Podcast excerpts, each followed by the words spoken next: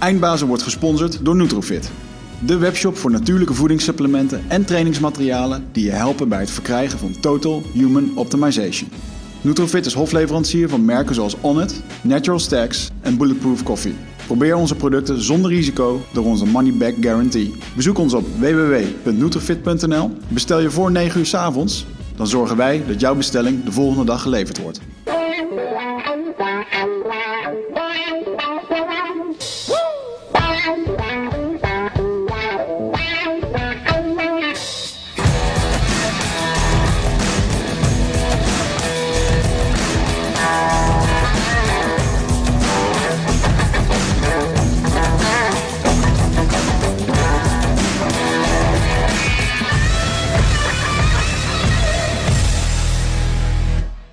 Ben weer geel op mijn camera. Ja. We Ik dacht dat je van je dingen af was, van je er- Fiverr. Hè? Van mijn Fiverr ben ik wel af, ja. Maar dat lag dus aan het beeld. Oh. Ik had helemaal geen Fiverr. Maar je hebt ook gewoon een kleurtje. Ik heb ook gewoon een kleurtje. Maar eh, er moet ook nog hoogst nog een keertje iemand eh, in deze studio komen die... eh, Ja, Lars, Lars, Lars die stond hier de laatste keer uit te leggen hoe het allemaal moest. ja, Die kan dat. maar die deed het niet vervolgens. Dat is waar. Alright man. Hey, um, Birgert, ik heb een vraag voor jou. Als jij nou eens eh, je leven op dit moment, hè, als je alles een beetje bekijkt, eh, rapportcijfertjes zou moeten geven. Wat eh, zou dat dan zijn? Mijn leven nu een rapport zijn. Mhm. Wauw. Kut vraag, hè? Ja, dan geef ik het een 8,5. Een 8,5. Ja. Oké, nice. Ik weet, dat- ik weet ook waar de verbetering in zit. ja? Wat, wat zouden we moeten doen om het naar een Eh, 10 te brengen? Gezondheid. Oké. Dus echt fit worden. Fit worden op het niveau wat ik dan ambieer. Aha. Wat, wat Daar, is dat? daar gaan we al. Zoals vroeger, weet je wel. Ja. Nee, maar ja, dat. En ehm, eh, dat het niet, ja, sommige dingen gaan nou weer niet snel genoeg. Maar Hmm. dat is de grote les van dit jaar. Patience is a virtue, Alright, nice. zei Oscar de Wilde. Ja, I get it. Want ehm, de reden dat ik het je vraag is dat we vandaag iemand in de studio hebben zitten. ehm, die eh, als een soort ondertitel van zijn boek had van joh, hoe je van een 7 naar een eh 10 kunt gaan. Als ik het eh, me goed herinner. Eh, nou, verbeter me als ik het verkeerd heb, maar het, het was Ja. iets van die aard. Ehm, en eh, dat zette me wel aan het denken van ja, hey shit, wat voor cijfer geef je je leven eigenlijk? Want we hebben het hier in de podcast veel over ehm lifecrafting, eh, lifestyle design, weet je wel, leef je mooiste leven, word de beste versie van jezelf, al dat soort dingen. Ehm, maar terugbrengen naar gewoon een plat rapportcijfer, dat heeft wel een bepaalde charme. En dat maakt ook meteen wel heel erg duidelijk van ja, er zijn verbeterpunten, ja of nee. Maar ik vond het een mooie vraag in ieder geval. En dat sluit aan bij de meneer die we vandaag in de studio hebben zitten. Mark, welkom. Dankjewel. Ehm, wat was wel de juiste ondertitel? Eh, de juiste ondertitel is Stop met leven vanuit een prima zeventje en start met leven vanuit je eigen tien. Dat was hem. Sorry dat ik hem Ja. vernacheld had. en dat hoorde bij jouw boek. Je, hebt, je hebt een mooi boek geschreven over quarterlife crisis. Ja. Je iets over vertellen? Ja, natuurlijk. Ja, dus eh, eh, de titel van het boek is Is dit het nou? En, en dat staat eigenlijk voor het sentiment dat leeft in de doelgroep die ik help. Dus ehm, ik werk met eh, ehm, eh, young professionals tussen 24 en 36 die hun leven op papier perfect voor elkaar hebben, eh, maar die zelf ja, gewoon iets anders ervaren. Dus eh, voor de buitenwereld ziet het allemaal fantastisch uit. Vrienden, ouders vinden allemaal, nou, jij zou super gelukkig moeten zijn.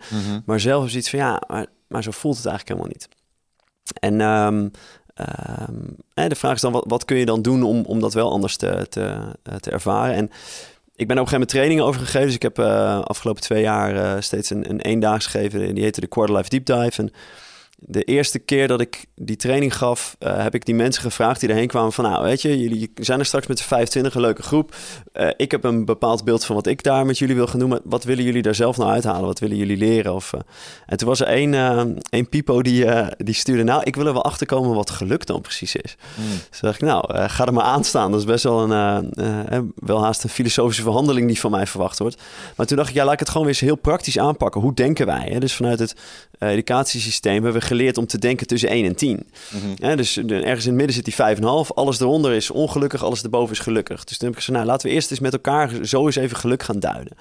Ehm, en wat ik toen merkte is dat als ik met die, met die mensen in gesprek was, dat de meeste van hen niet ongelukkig waren. Dus dat het bijna, vrijwel nooit cijfers onder de 5,5 waren. Enkele gevallen natuurlijk wel, en dat is ook oké. dat zijn de, de burn-outs of de overspannen of de dingen waar het echt niet lekker zit, de depressies, noem maar op. Ehm, dus die mogen er ook zijn. Alleen het grootste gedeelte ja, heeft gewoon een, een leven dat op zich prima is. Mhm. Ehm, dus een zesje of een zeventje, misschien een keer een zeven en half. Soms zelfs een acht. Ehm, maar bijna iedereen eh, eh, die met die thematiek bezig is, voelt van ja, maar er zit, er zit ook meer in. Ik weet Hmm. alleen niet wat dat is en hoe ik daarbij kom, eh et cetera. Ehm, vandaar dat ik met die, op een gegeven moment met die ondertitel gekomen ben. En, en vooral dat prima zeventje tussen aanhalingstekens. Om dat nou eens los te gaan laten. Omdat dat is echt settelen voor dat wat er al is. En ehm, ze zeggen wel eens dat een, een, eh, het grootste, eh, de grootste blokkade voor een geweldig leven is een goed leven. Dus als het een vier of een drie is, die mensen die komen wel in beweging. Maar zij die met een prima zeventje kampen, Mhm. ja, dan moet je dus dat prima zeventje opgeven om te durven gaan voor je eigen tien. Dan heb je meer te verliezen dan als het van een vier of een drie of een vijf komt. Ehm, en die groep wilde ik eigenlijk heel specifiek aanspreken, omdat ehm, eh, daar je, zit zoveel meer potentie in die mensen. Mhm. Ehm, en, en er is dus ook zoveel meer in potentie meer levensgeluk voor hen zelf weggelegd, dat ik het belangrijk vond om daar, eh, daar eens wat mee te gaan Je doen. hebt wel je boek geschreven voor een hele grote doelgroep. Marketing-wise is het wel heel slim. Er zijn Ja. heel veel mensen die op die zeven zitten. Oh, zo. Ja, Ja, er zijn er, ja, is dat zo? Zijn er, zijn er veel mensen die hiermee nou ja, mee de, worstelen? de, de grote vraag die ik altijd stel als wij die presentaties geven bij eh, bedrijven. Van joh, eh, eh, wie is er hier gelukkig met zijn baan? Dan steekt iedereen zijn hand omhoog. En wat als je morgen tijd en geld maakt niet uit iets anders zou kunnen doen? Wie zit er dan nog steeds hier? En dan is het alleen de manager en de, de directeur die een hand omhoog steken. Dus dat betekent dat we heel erg goed zijn in het accepteren van eh, dat het wel oké is en Ja. wel fijn, maar niet dat je hoogste potentie aan gaat raken. I agree. Wa- Wat is ehm, in jouw ervaring eh, het grootste manco voor mensen? Waar zitten die missende drie punten in voor ze? Is daar een soort patroon in te herkennen? Ja, en, en natuurlijk, hè, dus we, gaan nu een beetje generaliseren. En natuurlijk is het verschillend per persoon, maar om daar dan, dan iets over te zeggen is... ehm, wat ik veel zie is dat, en ik noem dat plaatjes, ehm, maar dat mensen heel erg naar plaatjes leven. Dus dat gaat over verwachtingen. Het gaat over de verwachtingen van anderen, eh, de verwachtingen, eh, de, de door jezelf geprojecteerde verwachtingen meestal op de buitenwereld. Dus vaak zijn het nog niet eens daadwerkelijke verwachtingen van ouders of van vrienden, et cetera. Maar het is een beeld of een plaatje waarvan we denken, daar, als ik daar maar aan voldoe, dan zal ik gelukkig zijn.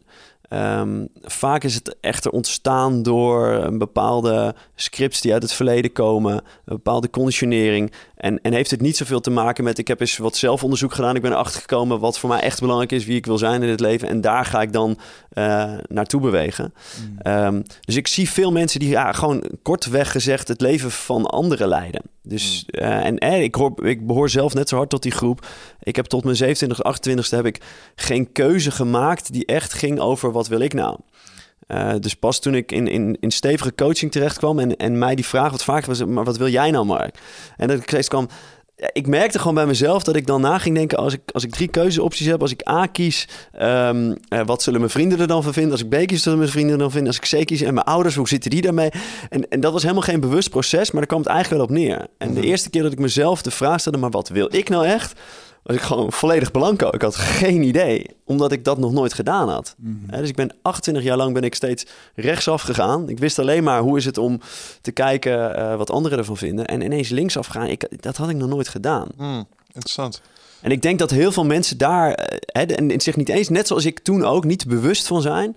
eh, maar dus wel op die manier eh, ja, hun leven vormgeven en, en vooruit bewegen. Hmm. En, en dat standaard plaatje waar je het over hebt, hè, wat ze dan proberen aan te hangen, dan hebben we het over het huisje, boosje, boompje, beestje verhaal. Ik, ik ga naar school, ik kies een baan, ik ga Ja. settelen en ik neem Ja. kindjes. En, Dus je hebt op alle levensvlakken heb je plaatjes. Ehm, dus ehm, eh, dat zit daar, hè? huisje, boompje, beestje. Ehm, volgens mij zijn er weinig mensen die zich afvragen... ehm, wil ik echt kinderen? Wil ik echt trouwen? Wil ik echt samenwonen? Hè, dus ik heb in een vorige relatie samengewoond. Ja, gewoon meer omdat het de volgende stap was. En ik hield heel, van haar, heel veel van haar en ik wilde heel graag eh, dicht bij haar zijn. Maar ik kende mezelf nog niet zo goed dat ik wist dat ik ook heel veel persoonlijke ruimte nodig heb.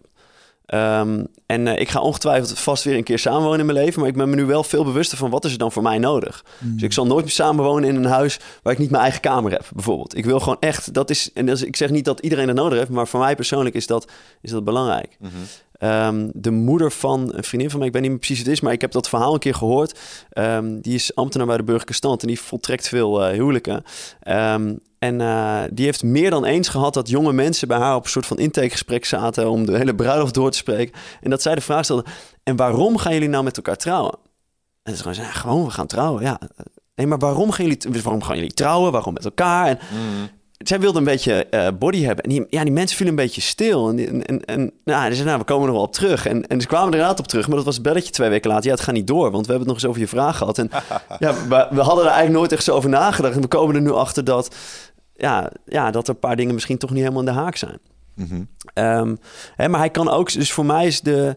ehm, om, om te laten zien hoe hardnekkig eh, plaatjes zijn en hoe pijnlijk het ook kan zijn om ze los te laten. Ehm, in die relatie, die vorige relatie die ik gehad heb, eh, wij zijn bijna tien jaar bij elkaar geweest. En toen wij besloten allebei onze eigen weg te gaan, dat was super pijnlijk en super verdrietig. Maar wat het meeste pijn deed, was het loslaten van het plaatje. Ik was namelijk gedurende de jaren me gaan voorstellen...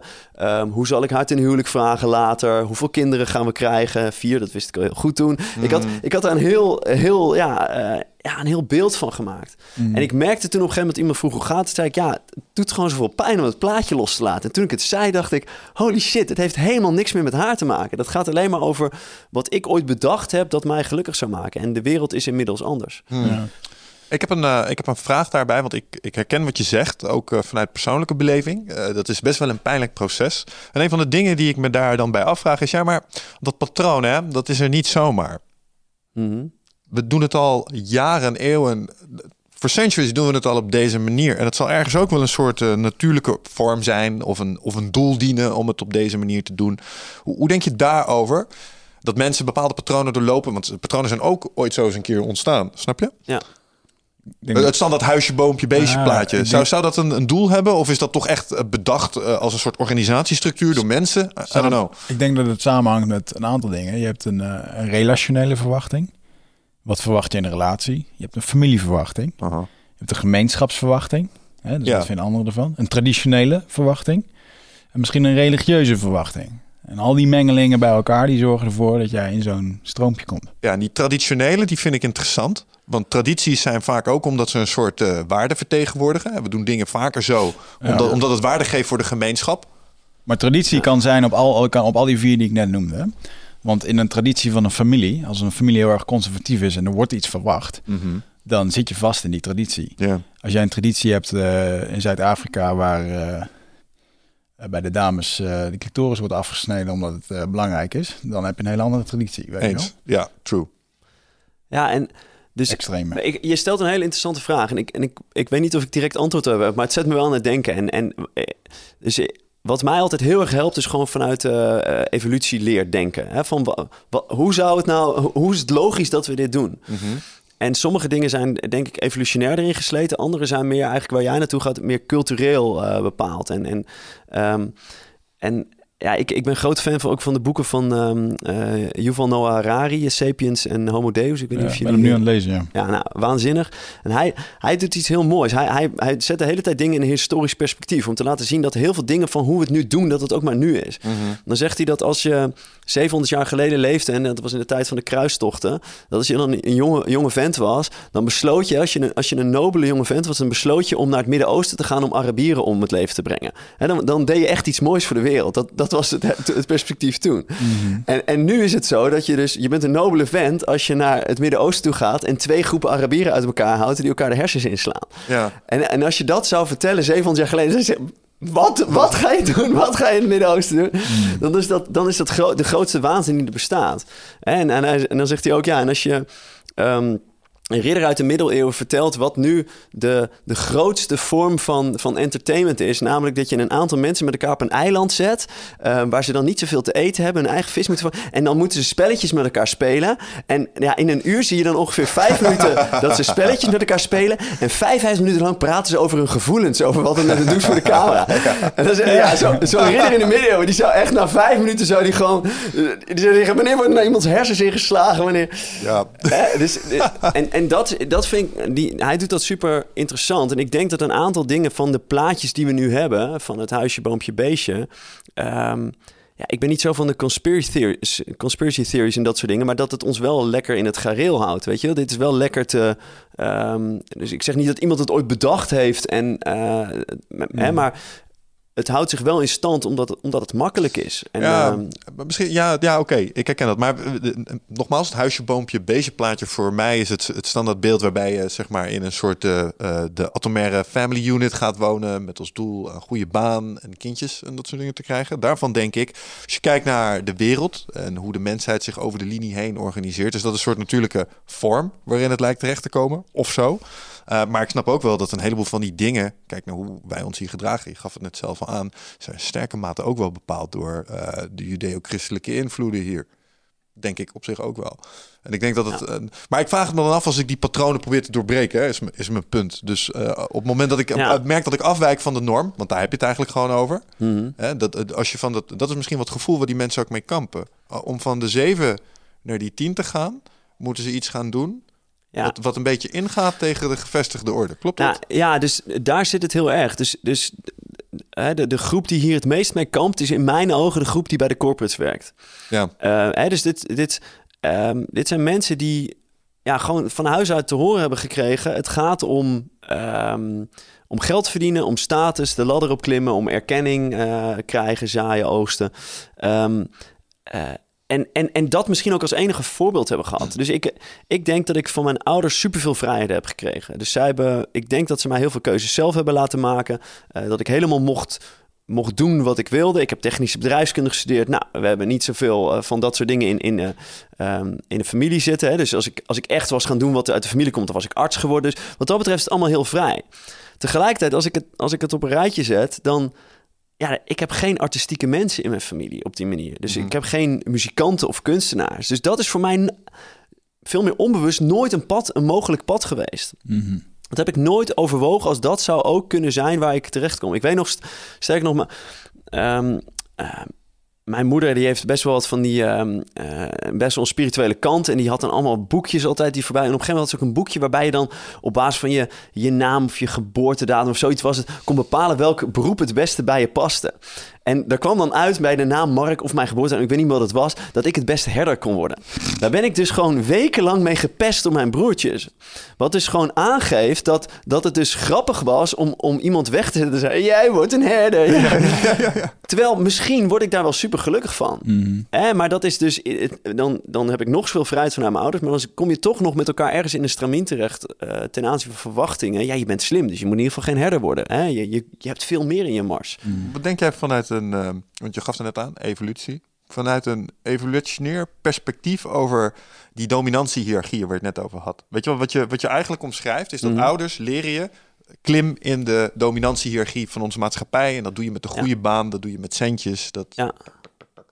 Um, waarom, waarom leren we dat onze kinderen?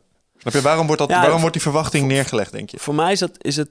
Dus wat mij het meest helpt om daarnaar te kijken, dat is, dat is ook een evolutionair proces, maar wat, wat minder fysiologisch evolu- evolutionair proces. En dat, je kunt het duiden met de piramide van Maslow. Dat, dat vind ik altijd een fijne manier. Ook al zegt de wetenschap tegenwoordig, is helemaal nooit bewezen en dat klopt niet. Mhm. Eh, ik, wat ik er vaak naast zet is, eh, ik weet niet of jullie kennen Spiral Dynamics. Eh, is een, een prachtige manier van kijken naar de menselijke ontwikkeling. Ehm, nou, laat ik, laat ik dus verdiep je daar vooral een keer in. Spiral Dynamics beschrijft heel mooi wat, wat de verschillende lagen en stappen zijn in de bewustzijnsontwikkeling van de mens. Mm. En, het, en het begint eigenlijk net als met die, met die vijf lagen in de piramide van Maslow. Ehm, waarbij het onderin gaat over echt over eten en een dak boven je hoofd en dat soort dingen. Ehm, en dan komt er geloof ik een laag die gaat over liefde. En dan of, of, of ik geloof eh, eh, seksuele intimiteit, dan liefde, dan erkenning, et cetera. En, en uiteindelijk heb je zelfverwezenlijking bovenin. Mm. Nou, als je kijkt naar waar, eh, dus letterlijk mijn opa en oma, die hebben in de onderste laag hebben zij issues gehad. Ja. Dus eten, zij hebben allebei, mijn vader, mijn opa zat ondergedoken in de oorlog. Ehm, eh, mijn oma, daar zat hij bij ondergedoken. Die heeft altijd die stress gevoeld. Dus zij wisten gewoon niet überhaupt of ze de dag doorkwamen, of er eten was. Nou, dat was allemaal onzeker.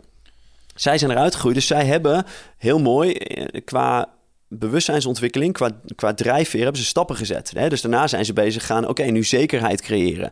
En, ehm, eh, en een gezinnetje opbouwen en dat soort dingen. Die waarden hebben ze wel aan mijn ouders meegegeven. Dus mijn ouders hebben weer, weer geleerd, oké, je moet in ieder geval zekerheid en geld, et cetera. En, en mijn ouders zijn met dat startpunt begonnen. En die zijn ook weer gegroeid. Dus die zijn op het vlak van liefde terechtgekomen. eh, maar ook op erkenning en status en dat soort dingen. Dus die hebben weer hun stuk in de, in de, eh, ja, in de, Ja. de groei doorgemaakt. Bewustzijnsontwikkelingsgroei. En wij worden geboren en wij krijgen van onze ouders dus dat advies, weet je wel. Zorg voor erkenning en ook nog wel voor geld en zekerheid, et cetera. Alleen, ja, wij beginnen wel... eh, Ik weet niet hoe het met jullie zit, maar ik heb nooit, maar ook geen dag van mijn leven me zorgen hoeven maken... of er wel genoeg eten was of dat ik een dak boven mijn hoofd zou hebben. Dus een aantal dingen zijn gewoon zo goed ingevuld geweest... dat ik op een hoger, een hoger niveau eh, heb mogen beginnen. Wat waanzinnig is. Maar dat betekent ook dat ik op jongere leeftijd tegen iets aanloop... dat gaat over zelfverwezenlijking. Wie wil ik nou zijn? Wie ben ik? Waar gaat het mij om? Wat is mijn doel in het leven? Ja. En ehm, ehm, nou ja, dat. Ja, en, da- en daar kan ik je helemaal volgen. En wat, wat dan de volgende stap is in mijn hoofd steeds, als ik het heb over zelfverwezenlijking, dan denk ik, ja, maar luister, niet iedereen kan van een 7 naar een 10, snap je? En eh, misschien, Waarom niet? nou ja, omdat er misschien helemaal geen economische ruimte voor is. Of omdat je ook, ehm, zeg maar, de minder glorieuze baantjes in de wereld hebt die moeten gebeuren. Je gaat mij niet vertellen dat ik mensen die eh, achter een lopende band staan, zeg Mhm. maar, de hele dag vleeswaren om te keren, wat ik heb gezien en aan de lijf heb mogen ondervinden. Ik denk Ja. niet dat ik die mensen hun geluksbeleving ongelooflijk omhoog ga halen, snap Maar je? daar staat Ja. hier wel een mooie samenvatting eh, van, zijn, van jouw boek. Waar staat, je bent een quarterlifer, hoog opgeleid. Tussen de 24 6. En dat is wel een bepaald profiel eh, waar we het nu over hebben. Dat is waar. Ja, true. Ja, maar, maar dan nog, want ik vind het wel leuk. Dus ik, ik wil er wel even op ingaan. Omdat. ehm, dus één nuancering even vooraf is: het gaat om je eigen team. Dus ik krijg veel commentaar op het boek waar mensen zeggen. Ja, 17, jezus, prestatiegeneratie. Moeten we nou ook alweer ons leven een 10 maken? Het gaat echt om je eigen team. Dus het, het hoeft, misschien is dat die herder. hè? Eh, Waarvan de hele wereld zegt van... eh, say what? Vind je, dat, vind je dat tof? Waarvan jij zegt, ja, voor mij voelt dit te gek. Ik vind het heel fijn. Ehm, dus dus ehm, dat is de eerste nuancering. Het punt dat jij maakt, ja, maar dat is niet voor iedereen weggelegd. Dus dit is, dit is een, ehm, een bezwaar dat ik vaker van mensen heb gehad. Van, ja, maar als iedereen zijn dromen gaat, dan- dan, werkt het systeem niet meer. Het is een vals argument en vooral voor jezelf om hem in te zetten. Omdat daar gaat het helemaal niet om. Hè? Dus wij, wij hebben hier een, een discussie die wel even op wat, wat hoger niveau... Nou, dus dan is het leuk om het erover te hebben. Maar veel mensen zetten hem in om vervolgens zelf niet in beweging te hoeven komen. Boeien, niet iedereen hoeft te dromen te worden. Het gaat om jou. Wil je het, wil je het wel of niet? Hè, ga dat dan doen. En ha- laat het argument dat dan het systeem niet meer werkt... laat dat jou niet tegenhouden eh, om in beweging te komen.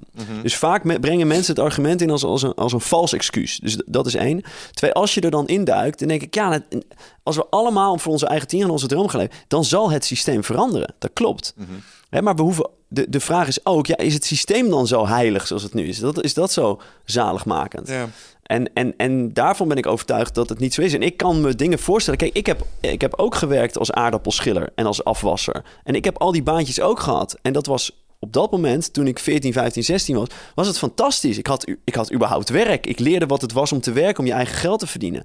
Dus ik geloof dat er altijd een plek zal zijn voor eh, dat soort baantjes. Dat iedereen dat een keer in zijn leven doet. En, en daarmee heb ik niet het hele probleem opgelost. Maar het is wel een denkrichting van ik zoiets heb van ja, ik zie in ieder geval mogelijkheden om het met elkaar anders in te richten. Ja. En wat vind je van het, ehm, eh, het... Het klinkt een beetje hard misschien wat ik zeg, maar het komt ook wel eens ondankbaar over. Snap je? je eh, als je ik stel me dan altijd voor, ik, ik weet niet of jij veel met je grootouders hebt gesproken. Ik heb veel met mijn oma eh, gesproken terwijl ze op haar ziekbed lag. En eh, die vertelde mij, die heeft in de Jappenkampen gezeten onder andere. En die vertelde mij over hoe het leven daar was toen de tijd als halfbloed in Indonesië. En dan denk ik, holy shit, net wat jij zegt. Ja. Ik heb wel eens een lege koelkast gezien. Ik heb ook wel eens gedacht, oh jee, zat er maar wat in. Maar dat is niks vergeleken met dat. Nee. Ehm, en dan denk ik tegelijkertijd ook wel eens... wat zouden mijn grootouders zeggen tegen de doelgroep, zeg maar... waar we het nu over hebben? Mensen die dan... ja, ik weet het allemaal niet, weet je wel. En als je die dan naast mijn grootmoeder zet... en die zou je eens even vertellen over wat ze allemaal voor de kiezer heeft gehad... dat je dan toch naar huis loopt met van... weet je, shit ain't so bad. Ja. Snap je? Nou, en, en dus je hebt helemaal gelijk. En dit is dus. Maar ik, en ik geloof dat die dingen naast elkaar kunnen bestaan. Dus dat, dat je. Ehm, en, en ik hoop dat ik daar zo nog wat over kan zeggen. Dat het, het is ook voor de good, voor the good of the others om, om voor je eigen team te gaan. Daar geloof ik heel erg in. Maar om met dit stuk te beginnen is... Ik geloof dat je op weg kunt gaan naar je, in je eigen team. Je droom kunt volgen. En tegelijkertijd meer, ehm, meer tevredenheid en dankbaarheid kunt hebben voor wat er nu al is. Ehm, maar... wat ik ook merk, ik ben benieuwd of jullie dat herkennen, is dat ik tot nu toe in mijn leven, als het over dit soort thema's ging, als er oma's bij. Mijn vader heeft zelf ook in het Jappenkamp gezeten. Dus die heeft zijn eerste drie jaar door doorgebracht, is zijn moeder daar verloren. Dus ik, hè, ik weet dat er, dat er leed in de wereld is. En, en, ehm, maar steeds als dat erbij komt, ehm, dan roept dat bij mij, de- dus door de manier waarop het gebracht wordt of hoe ik ermee omga, roept het bij mij geen dankbaarheid op, maar dan roept het schuldgevoel op. Ja, het is een hoop, eh, een hoop daaromheen gewikkeld heeft te maken met trots, eer en slachtofferschap. En dat is heel erg dat het is gebeurd. Ja, Maar het- jij hoeft dat niet mee te dragen van die vorige generatie. Je bent nu gewoon hier. Hè, want dat, dat stukje van praten met je oma. En maar die mensen die nu die problemen ervaren van ik weet niet wat ik wil en eigenlijk lopen te piepen. Ja, het is wel hun realiteit, weet je wel. En ja, er zijn altijd ergere situaties. Ik denk dat het echt geen kwaad kan om je dat te beseffen. Nou, dat is Nee. ook wel, dat is ook wel Maar- belangrijk. Maar Maar voor mij is, is het verschil dat je. ehm, dus wat ik heb gemerkt is dat ik. Ik heb jarenlang met een schuldgevoel onder de, onder de warme douche gestaan. Omdat ik wist dat, eh, dat de olie opging en dat het slecht was voor het milieu. Dus ik was niet dankbaar voor het feit dat ik een lekkere warme douche had. En dat al die generaties voor mij ervoor gezorgd. Ik voelde me gewoon schuldig. En op een gegeven moment zag ik in, ja, maar dit is, dit is niet wat zij gewild zouden hebben. Wat zij gewild zouden hebben, is dat ik daar nu optimaal van zou genieten. Dat ik zeg, oh, wat lekker een warme douche. En dan misschien niet 20 minuten lang, want dat is, hè, dat is een beetje jammer. nou, dat je erover nadenkt. Ja, maar dat je er en, en dat is voor mij wel een shift geweest. En ik merk dat als ik het met groepen hierover heb, dat ze het vaak herkennen. Dat mensen zitten van ja, fuck, ik ben eigenlijk eerder schuldig dan dankbaar. En hoe ik, denk ik dat, hoe ik denk dat het komt, is omdat ehm, op de ene manier schieten we als eerste in, in, die, in dat schuldgevoel. En, en dankbaarheid, het is jammer dat het een zelfstandig naamwoord want het zou eigenlijk zou het een werkwoord mogen zijn. Het, je voelt het pas als je het gaat beoefenen. Hè, dus ik ga elke zondagavond ga ik door mijn mission statement heen. Nou, ik zal heel eerlijk zijn, de klad zit er de laatste week wat in omdat het druk is. Maar in principe doe, probeer ik dat elke zondagavond te doen. Dan zet ik mezelf weer op koers. Dan eh, lees ik wie ik wil zijn. En een van de, van de practices die daarin zit is gewoon opschrijven waar ik tevreden over ben en waar ik dankbaar voor ben. En ik heb daar nooit zin in, want dan denk ik, ja, dit kost me weer 20 minuten. Maar ik ga mijn hele week door, ik ga terugdenken, ik kijk in mijn agenda, wat heb ik allemaal gedaan. En op een gegeven moment heb ik een lijst van 20, 30 dingen waarvan ik zeg, daar ben ik eigenlijk best wel tevreden over hoe ik dat deze week gedaan heb. En ik heb een lijst van 20 of 30 mensen aan wie ik dankbaar ben. En dat voelt zo rijk. denk ik, wauw, wat zijn er veel mensen in mijn leven die, die iets met mij ja, willen interacteren, die, die me geholpen hebben of die ik mocht helpen. Wauw, wat ben ik dankbaar. En dan voel ik me dankbaar. Maar niet als iemand zegt, ja, maar je oma of je... Eh, en ook het gewoon het besef dat, eh, bedoel, eh, laten we voorop stellen. Mijn oma lag op de zolder te slapen terwijl er een granaat naar binnen viel. En die had allemaal die had honderden houtsplinters door heel het lichaam heen. Holy shit. Ik, operatie. En ik weet nog altijd dat ze een hele rare plek op de, op de borst had. Eh, waar ze een stuk vel van de been hadden afgehaald om dan daar op te planten. En, eh, dus weet je, ik heb de verhalen ook van dichtbij meegemaakt. Maar mijn oma vond ik eigenlijk wel mooi. Die kon daar eigenlijk op een hele verlichte manier naar kijken. Die, eh, eh, ja, dat was toen iets van toen. En laten we wel wezen, die Duitser die op de knop duwde om eh, die granaat af te vuren. Die deed dat met diezelfde overtuiging als die eh, kruisvaart dude Ja. die toen koos. En als je daar gewoon met een afstand naar kan kijken, ja, het is allemaal niet netjes wat iedereen met elkaar deed, maar je wordt er gewoon, men wordt erin meegenomen en doet het om een of andere reden. En dat is zo'n zo'n bizarre psychologie waarom mensen dat doen. Ik weet dat er ook een aantal TED-talks zijn over eh, eh, dat als mensen in een bepaalde positie worden geplaatst, eh, ehm, waar ze macht mogen uitoefenen over anderen, maar waarbij ze niet gestraft worden, dat het 9 van de 10 keer fout gaat. Ja, dat is experiment ook. Dus één experiment met Ja. die scholieren in die gevangenis, waar één de bewaker was en de Ja, andere Stanford, Prison Experiment. Nou, dat, Ja. is, dat is vroegtijdig Precies. afgekapt. Maar je ziet het ook in ehm, ehm, eh, Guantanamo Bay. Het is hetzelfde principe.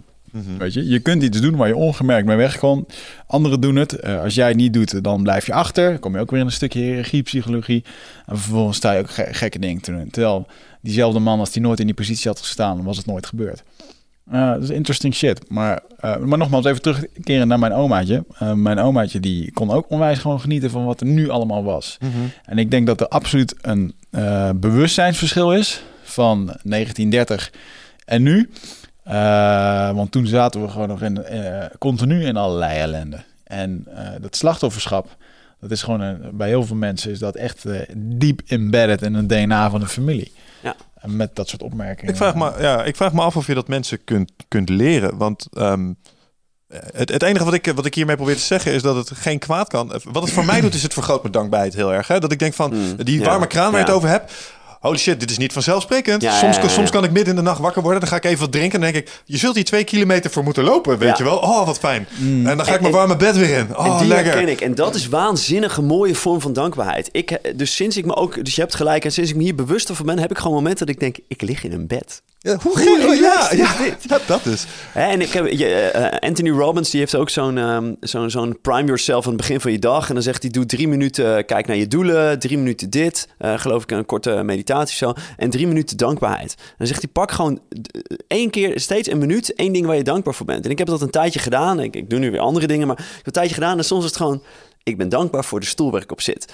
En dan ging ik daar even mee bezig. Dan dacht ik, ja, er is dus iemand geweest die ooit heeft bedacht dat je een stoel kunt bouwen. Dat is best wel tof, want daardoor kan ik nu lekker zitten. Er is iemand geweest die deze letterlijke stoel heeft ontworpen. Heeft, iemand heeft dat in elkaar gezet. Dat is eh, logistiek. Dus ik ben gewoon een beetje het productieproces van die stoel. En ineens voelde ik me eigenlijk best wel blij dat ik een stoel had. Wat iets voor de rest iets heel triviaals is.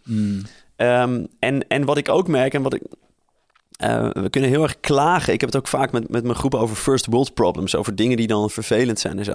Maar soms is het juist fijn als even iets wegvalt. Dus als je... ehm, ik heb een tijdje gehad dat er iets met een lekkage was... dat ik mijn douche een week niet kon gebruiken. Ja, dat is... Dat, eigenlijk zou dat elk jaar een paar keer moeten gebeuren. Dat je, dat je, het is jammer dat die, dat die, dat die lampjes... eh, eh, gewoon lichte dingen steeds, steeds langer meegaan. Want het is goed als het even uitvalt. Als je het een paar dagen niet gehad hebt... daarna ben je weer zo dankbaar van... oh, wat lekker dat ik gewoon licht heb in mijn kamer. Of dat ik kan douchen. Of, Ehm, en en ik denk hoe vaker je dat meemaakt en je hier bewust van bent, hoe, hoe, hoe meer van dat bewustzijn je meeneemt in je dagdagelijkse bezigheden. En, en dat soort momenten kunt creëren. Ik lig Ja. gewoon in een bed. Nou, dat. En, en als het dan gaat om van die zeven naar een, naar een tien te komen, denk ik dat dat, zeg maar, als je dat iets bewuster gaat doen, kun je er al een half punt bij opsmokkelen. Ja. Eh, tegelijkertijd met dat ik dit allemaal zeg, eh, begrijp me niet verkeerd. hè, Ik geloof helemaal in wat je, wat je predikt in dat opzicht. En ik denk ook dat iedereen zijn zijn leven instant kan verbeteren door een aantal dingen waar ze al een tijdje mee rondlopen in hun onderbuik, om daar gewoon eens gehoor aan te geven.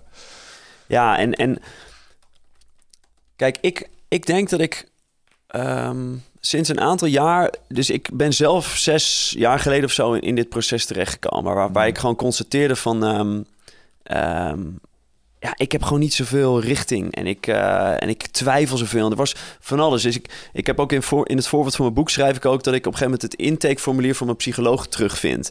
Ehm, eh, dus toen ik 27 was, toen merkte ik bij mezelf dat ik een beetje vast zat. Toen dacht ik, fuck it, ik ga gewoon eens een psycholoog opzoeken. Die mensen zijn ervoor en ik, ja, ik heb daar wel wat gêne voor, maar ik ga het wel gewoon doen. Ehm, en het was een super aardige vent, die heeft me heel goed geprobeerd te helpen. Maar ik ja, ik las tussen de regels door ook wel dat hij mee zei van... ja, en waar heb je nou precies last van? Wat is er nou echt aan de hand? Die had te maken met mensen met depressies en eh, weet ik veel wat voor een, een pathologie ook. En dus ik vond eigenlijk niet echt een plek voor de, de thematiek waar ik tegenaan liep. Nou, dat, dat is waarom ik dit nu doe en het boek geschreven heb. En dat ik ook mooi terug kon zien toen ik... eh, nou, een jaar geleden was ik nog 32 en ik, en, ik, en ik schreef dat zo. En ik dacht echt gewoon, had ik mijn vijf jaar jongere ikje maar kunnen helpen toen, weet je wel? Ik kon echt zien, ik, oh, ik had die jongen zo graag aan de hand genomen. Want ik met, met honderden boeken verder en, eh, en al die training en coaching... alles wat ik gevolgd heb, heb ik... Ik zeg niet dat ik zijn antwoorden heb, maar ik heb wel antwoorden gevonden die, die kunnen helpen. En, en als ik terugkijk, dan ben ik vanaf dat moment ongeveer een beetje twee paden ingeslagen. En het ene pad is een beetje van de eh, Amerikaanse self-help en, en, hoe, en hoe kom je vooruit. Een andere pad is wat meer van de Oosterse eh, filosofie ehm, en, en spiritualiteit. En, ehm, ehm, en die zijn voor mij allebei heel belangrijk geweest. En ik, en ik ben aanvankelijk zat dat ook allebei nog wat in mijn manuscript eh, voor mijn eerste boek. Maar ik merkte gaandeweg dat, dat de mensen die ik in training had zitten, dat ten eerste wat meer bij hen aanhaakte, was dat Amer- Amerikaanse stuk. Dus als je kijkt naar mensen uit de corporate wereld, die staan niet altijd voor spirituele concepten open. Eh, dus het heeft wat meer bewerking nodig. En ten tweede dat ik, dat ik er zelf ook nog niet helemaal uit was, welke, welke weg dat, dat voor mij had.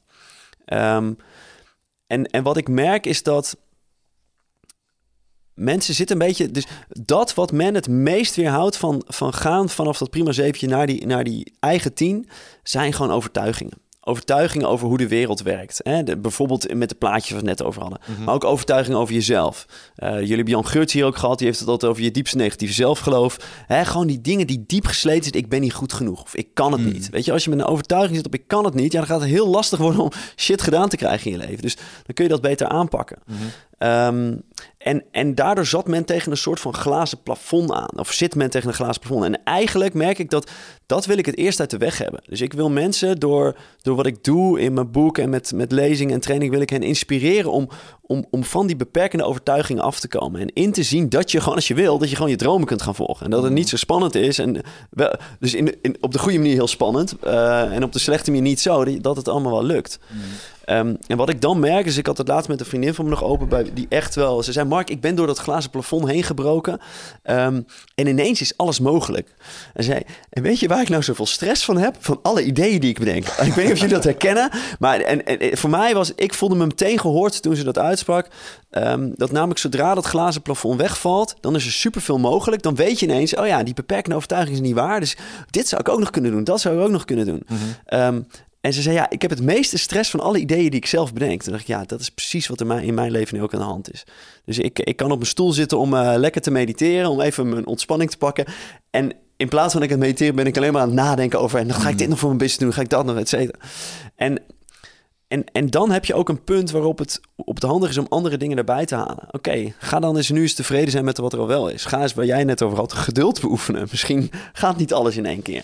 Ja, ik weet nog toen ik echt met persoonlijk leiderschap eh, begon. En inderdaad de eerste eh, ehm, training die ik daar echt in volgde. Weet je nog dat ik jou toen belde van fuck, eh, gewoon doelen stellen. Wat doen we over drie jaar? En dat helemaal voor je. En ik had het helemaal. Nou, Michael bedoel je? Ja, ja. en nou, mezelf echt een burn-out. Ja, Ja. En hij heeft drie jaar geleden of zo had ik daar echt een, een eye-opening sessie mee. En toen, eh, ik heb mezelf daarna echt in een burn-out gewerkt. Door al, al- alles Ja, aanpakken, ja, weet je wel. ja. En nu heb ik dat nog wel heel erg. Ja. Eh, maar dat is wel de weg. En dat is wel de, eh, jezelf leren kennen. Je sprak net over een psycholoog. Ik vind dat wel een interessant concept. Want vroeger was een psycholoog echt ervoor voor de depressies. Tenminste, ze zijn er altijd geweest voor mensen met mentale problemen. Maar ik denk dat tegenwoordig met gewoon een stuk gezond persoonlijk leiderschap, eh, meditatietraining of nou, meditatie wordt voorzichtig al een beetje naar binnen geschoven overal. Ik denk dat dat een hele hoop eh, van die psycholoog zijn werk al oplost. En, eh, en daarnaast denk ik nog steeds dat het heel erg goed is voor iedereen om ehm, gewoon eens een keer een gesprek aan te gaan met zo iemand. Met een psycholoog of met een therapeut of heel veel verschillende. Die gewoon naar jou kan kijken als een blanco papier. En die gewoon, joh, die heeft duizend van dit gezien. En die ziet gewoon exact waar jouw dingetjes zitten en eh, wat je jezelf hebt wijsgemaakt. Want je, je lult jezelf gewoon eh, eh, verhaaltjes. Ja. Ja.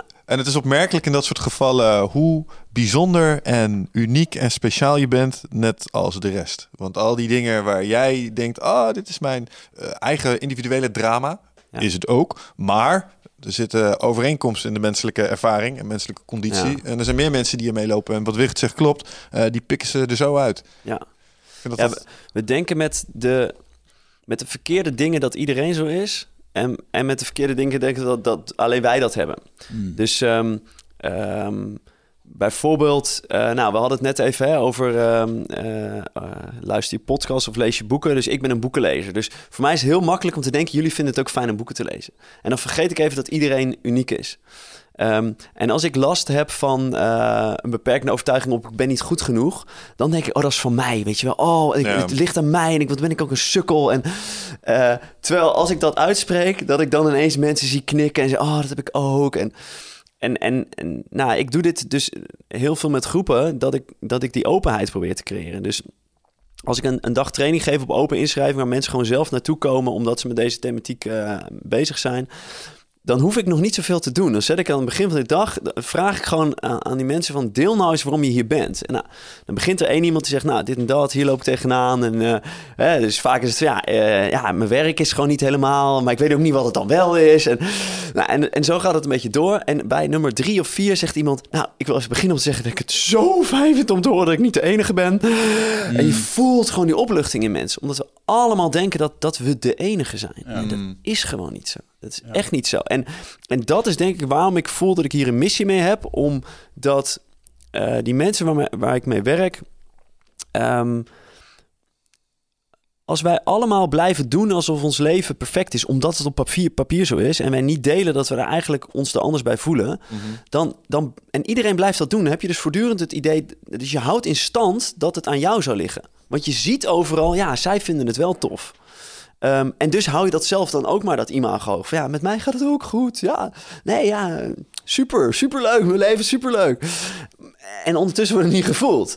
En ehm, eh, zodra één iemand dus zegt, ja, nou, het is maximaal een prima zeventje, maar soms vind ik het gewoon kut. Oh, hey, en dan ineens kunnen we ergens met elkaar over gaan praten. Dus ik vind het heel belangrijk om, om het gesprek daarmee aan te gaan en die openheid te creëren, zodat meer mensen de ruimte voelen om te zeggen van ja, ja, ja, ja, ja, ik heb alles wel, maar zo voelt het niet. Is er ook een, ehm, het is een soort universeel issue voor mensen hè, om zich zo te voelen. Die herkenning, die hebben mensen. Zijn de oplossingen daarmee ook? op een soort gelijk niveau, universeel. Het verbaliseren hoor ik hier al, dat is één. Spreek het eens uit. Mhm. Dat is een heel krachtig instrument. Ja. Wat, zie je, wat zie je nog meer als eh, tools of, of dingen die mensen gaan doen die ze plots nou ja, omhoog helpen in dat rapportcijfer? Poeh, ja, heb je even. Ehm, Oh, we hebben nog een uurtje voor wat, dus eh, doe Ja. je ding. Ja. Nou, dat is fijn. ja, ehm, hè, dus dat wat je net zegt, eh, ja, het is een beetje cliché, maar het is wel waar. Dus het begint inderdaad met delen is helen. Mm. Dus hè, om, om, om shit los te laten, dat wat je dwars zit, spreek het uit. En eh, dus, eh Brené Brown zegt dit altijd zo mooi. Eh, dus zij, als zij dan een TED-talk heeft over, over schaamte of zo, dan legt ze uit dat... ehm, als jij je voorstelt dat je voor een hele grote groep mensen je diepste schaamte zou gaan delen, dan word je helemaal gek. Dan, dan komt er overal paniek en denk je, oh jee, ehm, iedereen gaat mij afwijzen. Iedereen gaat mij afwijzen. En, en vervolgens als je het doet, dan gebeurt er iets anders. Want wat er bij die mensen in de zaal gebeurt die daar zitten en die, die horen iemand zijn of haar grootste schaamte neerleggen, die hebben alleen maar waanzinnig respect voor die persoon. En dat is het gekke van wat er gebeurt met schaamte. Ehm, eh, dus we hebben ergens te leren dat we mogen gaan delen om, om te helen. Nou, dus daar begint het mee. Gewoon eens openheid van zaken geven. Ehm, en dan kom je denk ik bij een heel stuk, eh, waar Wicht net al over had, een heel stuk ehm, ja, persoonlijke, persoonlijk leiderschapstools, persoonlijke ontwikkelingstools. Dus dingen als eh, doelen stellen is voor mijn doelgroep super belangrijk.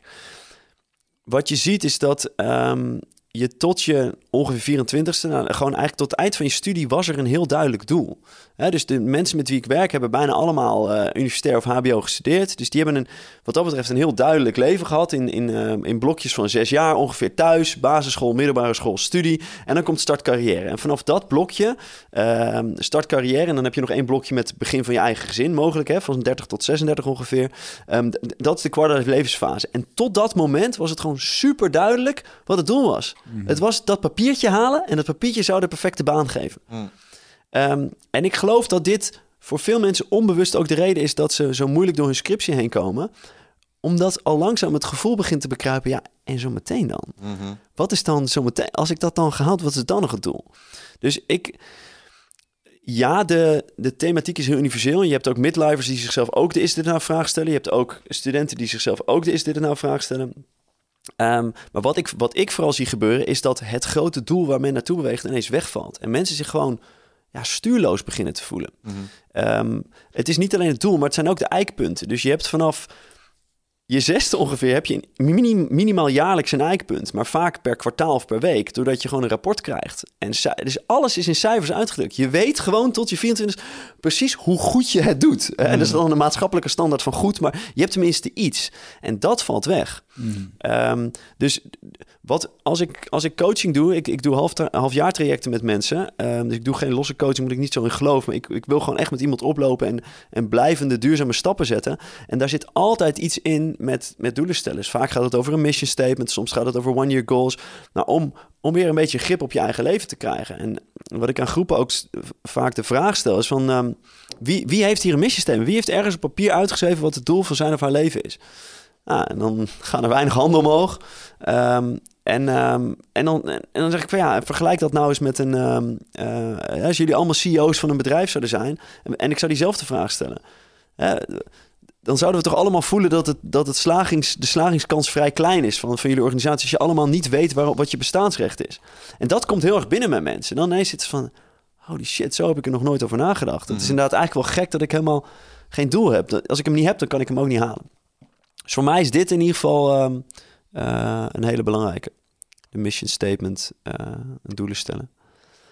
Ehm, een andere uitdaging die ik veel zie is, ehm, is keuzestress. Dus mensen hel. Dus het, is, ook- het gaat ook veel over, en ik denk dat heel veel persoonlijke ontwikkelingstrainingen eh, en, en de persoonlijke leiderschapstrainingen daarover gaan, is die dingen leren die je op, gek genoeg op school nooit geleerd hebt. Mhm. Dus ik heb vakken gehad, eh, thermodynamica, één fase reactoren, twee fase reactoren. Ik heb allemaal shit geleerd. Ik, ik kan in potentie uitrekenen eh, hoe lang het duurt voordat deze eh, kamer, die nu ongeveer 21 graden zal zijn, 18 graden is zometeen als we dat raam openzetten en, en de verwarming uitzetten. Dat heb ik gewoon geleerd om dat vanuit het systeem door te rekenen. En niemand heeft mij geleerd ehm, hoe ik met mijn emoties omga, of hoe ik keuzes maak. Of dat soort basale dingen waar we elke dag tegenaan lopen. En, en dat leren is gewoon heel waardevol. Eh, hoe is het om een keer een gevoel vanuit je buik te, of vanuit je hart te maken als je altijd geleerd hebt om alles met je hoofd te benaderen en, eh, en lijstjes op te stellen met plus en min of alles. Ehm, dat soort vragen. Dus dat is een tweede. Ga ik gewoon door? Is Ja, het- ik, ik, heb, ik, ik heb nog een vervolgvraag daarover. Hoe leer jij mensen kiezen? Want het is een eh, herkenbaar Ja. probleem dat mensen vastslaan in, eh, nou, we hebben die wat meer genoemd, paralysis by analysis. ja, Ik kan nu vijf verschillende dingen doen. Ja. I don't know welke eerst. Ja. Hoe leer je dat? Ehm, om hen eerst eens te laten inzien dat de manier waarop zij nu kiezen ehm, een, vanuit het no-win model komt eigenlijk. Ehm, dus je hebt een fantastische vrouw, Susan Jeffers, eh, van Feel the Fear and Do It Anyway. Zij legt heel mooi uit hoe wij naar keuzes kijken. Dus de meeste van ons doen dat vanuit angst. Hoe heet deze mevrouw? Susan Jeffers. Ga ik opzoeken. Ik zet, ondertussen zit ik de show notes te maken. Dus ik, Ja. eh, Top. nog één keer. Susan? Susan Jeffers. Jeffers. Interesting. Feel the fear and do it anyway. En ehm, ehm, zij beschrijft dat de meeste mensen van ons fouten maken of, of eh, fouten maken, keuzes maken vanuit angst. Dus stel ik eh, zit nu in een loondienstbaan en ik wil eh, en, ik, en ik krijg de kans om ergens anders te gaan werken. Wat de meeste van ons dan doen is, is, is een soort, een soort van volgende redenatie. Oh jee, als ik dan nu mijn baan eh, blijf, dan, dan zal ik nooit weten hoe het was om van, om van werkgever te wisselen. En dan, dan mis ik het hoge salaris dat ik kan krijgen. En dan weet ik ook niet hoe het is om een nieuwe branche te gaan werken. Oeh, wat zal ik veel verliezen als ik mijn baan niet verander. Maar als ik, oh, dus misschien moet ik mijn baan veranderen. Oké, ik ga mijn baan veranderen. Oeh, maar er zit hier misschien ook een promotie aan. Oh, dan loop ik mijn promotie mis. En ja, ik heb eigenlijk best wel een fijne manager op dit moment. Dus je weet ook niet wat voor een manager je ervoor terugkrijgt. Dus dan, dan raak ik dat kwijt. En, en mijn collega's. En, en we zitten alleen maar voortdurend te denken: wat verlies ik aan de andere kant, dan bij de andere optie, als ik deze optie kies? Op die manier kun je nooit winnen. Want dan zul je altijd, als zodra je kiest, zul je bezig blijven met, met wat heb ik nu allemaal verloren? Wat gaat er mis? En, en je kunt ook vanuit een no-lose model kiezen. En wat je dan doet, is dat je zegt, weet je, het leven is één grote leerervaring. De beste manier om vooruit te komen is door gewoon een keuze te maken. En natuurlijk ga ik het nog zo goed mogelijk afwegen, et cetera. Ehm, maar ik ga vooral kijken naar wat zijn de goodies onderweg. Wat kan ik leren als ik deze keuze maak? Oh ja, het zou inderdaad kunnen dat ik mijn, eh, mijn goede manager verlies... dat ik met een moeilijkere manager eh, aan tafel kom te zitten. Oh, kan ik leren hoe het is om met moeilijke managers om te gaan? Mooi. Asshole training noemen we dat. Asshole training. Ja, leren omgaan met moeilijke mensen. Ja, dus dan, hè, dus dan heb ik een stuk asshole training. Prachtig. Oh ja, misschien ga ik daar wel minder verdienen. Het zou kunnen. Oh, mooi. Dan kan ik eens, dan kan ik eens leren hoe het is om mijn lifestyle kosten te drukken. Om, om met minder rond te komen. Oh, dat zo wordt ook wel een interessante leren van. Mm. Als je vanuit die manier gaat kijken, dan wordt, het, wordt alles een rijke ervaring. En dan, dan zit je wat minder in. Ah, ik moet het juiste kiezen. Ja. Ehm, omdat ook een moeilijke keuze vaak voortkomt eh, vanuit het feit dat allebei de opties gewoon hartstikke goed zijn. Ja. Dus als één, de ene optie een 4 was en de andere een 8, had je al lang al die 8 gekozen. Blijkbaar zijn ze zo goed dat, ze, dat, je, nou, dat je ze allebei hebt. En ehm, eh, het, nou, ik, heb, ik schrijf er stukken over in mijn boek en ik ben er al een paar jaar mee bezig. En toen kwam ik op het punt dat ik mijn manuscript een heel eind had en, en dat ik uitgevers ging zoeken. En dat twee uitgevers uiteindelijk zeiden van, eh, ja, vinden we wel wat, willen we wel uitgeven. Toen moest ik een uitgever kiezen. Nou, ik heb me even voor laten lichten door iemand die wat van heeft. Die zei, ja, Mark, zijn gewoon allebei hartstikke goed. Ze zijn allebei eh, klasse A-uitgevers. Dus eh, ja, je kan het eigenlijk niet verkeerd doen. En ik voelde weer die keuzestress omhoog komen. En toen dacht ik, oké, ik ga alle dingen uit mijn boek ga ik nu gewoon toepassen. En ik was sneller dan ooit uit een keuze. Dus voor mij was in ieder geval de proof of concept dat voor mij... en ik zie het ook om me heen gebeuren, maar dat het werkt door gewoon... oh ja, worst case leer ik wat van. Kies ik de volgende keer een andere uitgever als dit er niet zou zijn. Ja. Ehm, gewoon op basis van mijn gevoel. Dus ik heb gezegd, die mensen die ik tot nu toe geholpen heb in mijn, in, in mijn coaching, gevoelsmatig, bij welke van die twee uitgevers past het beste? Ja, ik denk die. Geen idee waarom, kan het niet onderbouwen, maar voelt wel goed.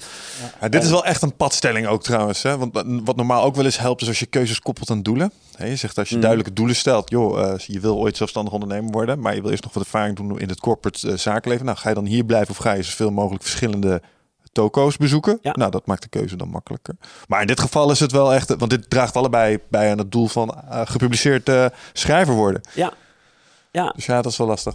Nou ja, en, en, en mensen vergeten vaak dat ehm, om antwoorden te vinden, dus dit is meteen ook een, een ander antwoord op die vraag die je net stelde, ehm, eh, dat het leven ook gewoon wel trial and error is. Weet je, dus ik geloof heel erg dat als je, als je verder wil komen, als je, als je stap wil zetten, dat je ten eerste te doen hebt wat ik net zei, naar binnen gaan. Een stuk introspectie. Mhm.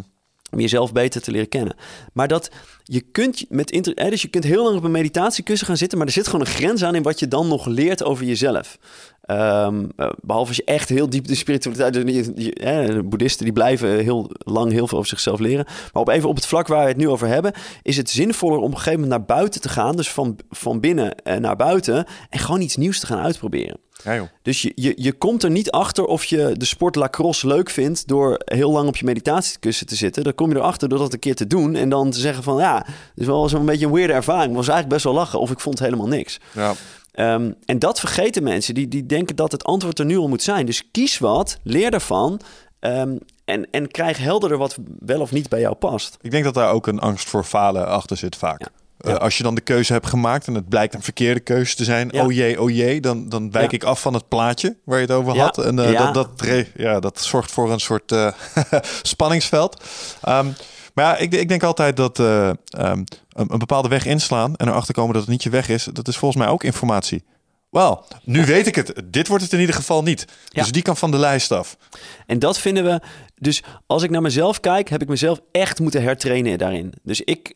ehm, ik ben vrij perfectionistisch. Eh, ik weet ook waar het vandaan komt. Eh, gewoon een mooi voorbeeld. Als er, als er vroeger bij mij thuis een, een per ongeluk, als ik een kopje omstoot en die viel kapot op de grond, dan had ik een boze moeder. Dat, Hmm. dat was gewoon, dat was niet oké. Ehm, ik weet nog dat mijn moeder op een gegeven moment een. ehm, eh, een tijd in het buitenland zat. Eh, Ze was eh, wat lang op reis. En dat mijn vader het, het huishouden dan runde voor zover hij dat kon bestieren. En, en, en, dat, en dat op een gegeven moment...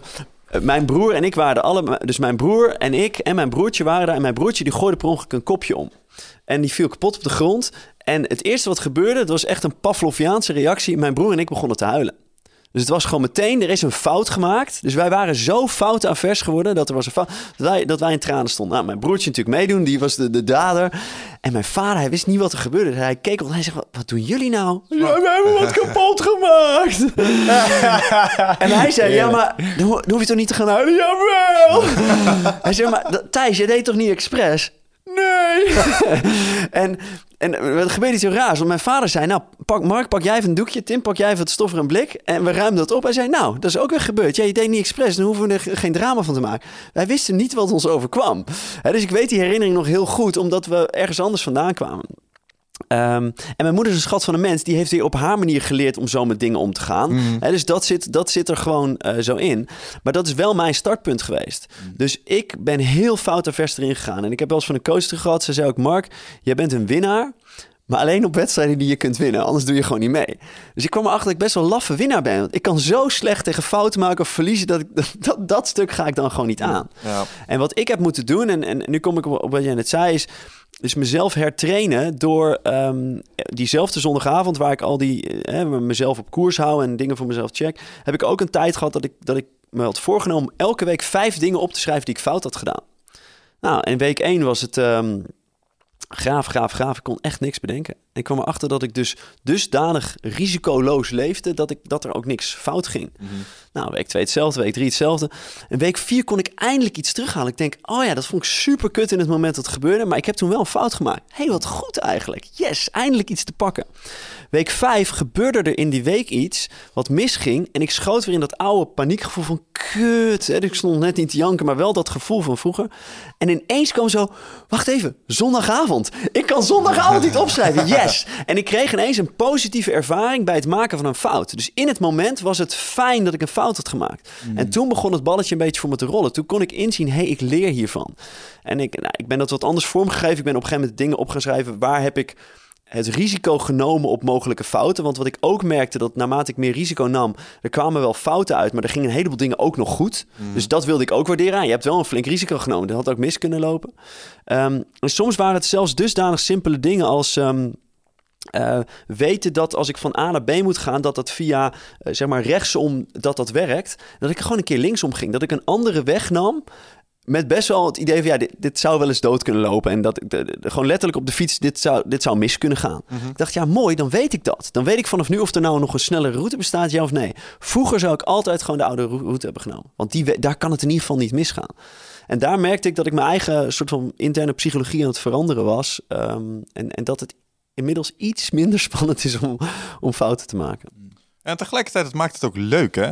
Ik bedoel, uh, alleen maar winnen is natuurlijk fantastisch. Maar weet je, als je alleen maar wint, uh, winnen als je net daarvoor verloren hebt.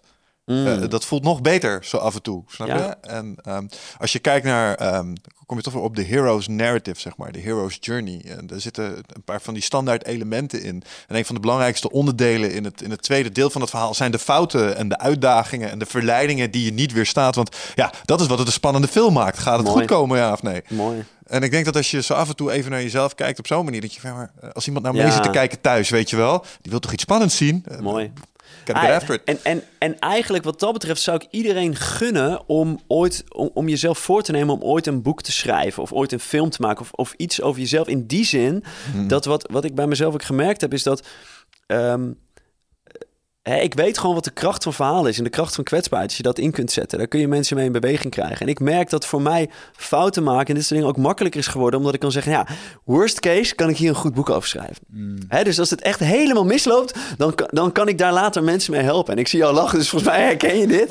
Ehm, en, en dat is gewoon wel een fijne manier van, van kijken naar het leven. En, en ik heb ook een, een coachie, die, die zit er ook zo in. Die zegt, van, ja, ik ga, ik ga sowieso ooit mijn autobiografie schrijven. Dus hij, hij, is, eh, hij, hij is steeds meer met ondernemen bezig.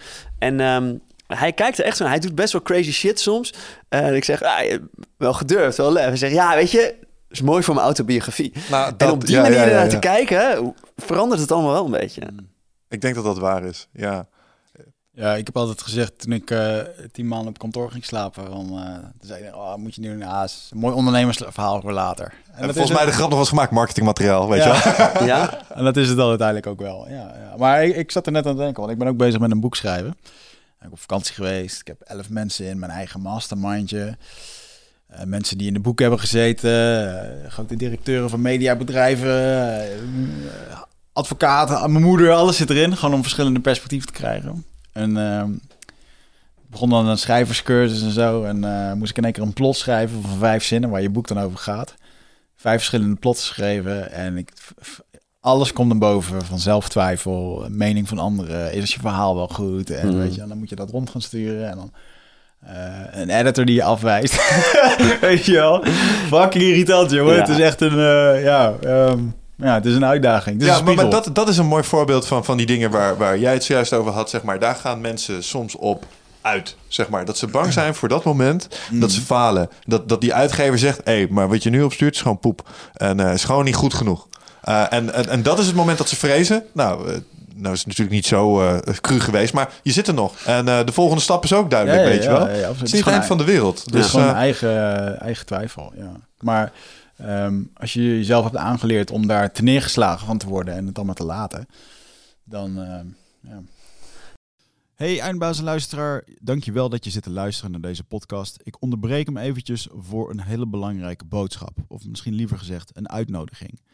Want op 24, 25 en 26 mei, dan is er weer een nieuwe editie van Ride of Passage. Dat is mijn retreat voor persoonlijke ontwikkeling. En speciaal voor de mensen die op zoek zijn naar, ja, naar, helderheid. Of dat ze lastig bij hun gevoel kunnen komen. Dat ze moeilijke beslissingen moeten maken. En dat ze zo ontzettend in hun hoofd zitten. Ja, dat ze er eigenlijk gewoon niet meer goed uitkomen. Of dat ze misschien al heel lang in een, ja, een soort van oud gevoel zitten. Dat ze dat gevoel willen transformeren. Of misschien wil je gewoon een oud stuk achter je laten. Ergens een punt achter zetten.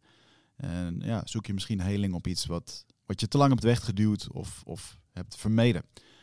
Eh, Daarvoor wil ik je uitnodigen op 24, 25 en 26 mei om in een retreat mee te doen waar de inhoud van het programma geheim is. Waar de belofte is dat het oncomfortabel wordt. Want jij begrijpt als geen ander dat als je die volgende stap wilt maken, ja, dan zul je uit de comfortzone moeten komen. En ik garandeer je, laat mij dat proces begeleiden met jou voor drie dagen. En je leven zal daarna nooit meer hetzelfde zijn. Gemiddeld beoordelen de deelnemers het met een 9,2. En daar ben ik ontzettend trots op. Er is ook een money back guarantee. Heb je de drie dagen vol, volbracht en vind je het niks, krijg je gewoon je geld terug. Dus het enige risico wat er is, is dat je gelukkiger kan worden. Ik zie je Bride of Passage. Ga naar wichertmeerman.nl en klik op retreat. Nou, en, en ik denk dat het belangrijk is om, ehm, om op, op latere leeftijd dat, dat falen, als we het even zo mogen noemen, om dat eens te ervaren. Omdat vroeger zat daar gewoon een soort van letterlijke doodsangst bij. Dus het was vroeger zo belangrijk om, om geaccepteerd te worden en in de groep te horen.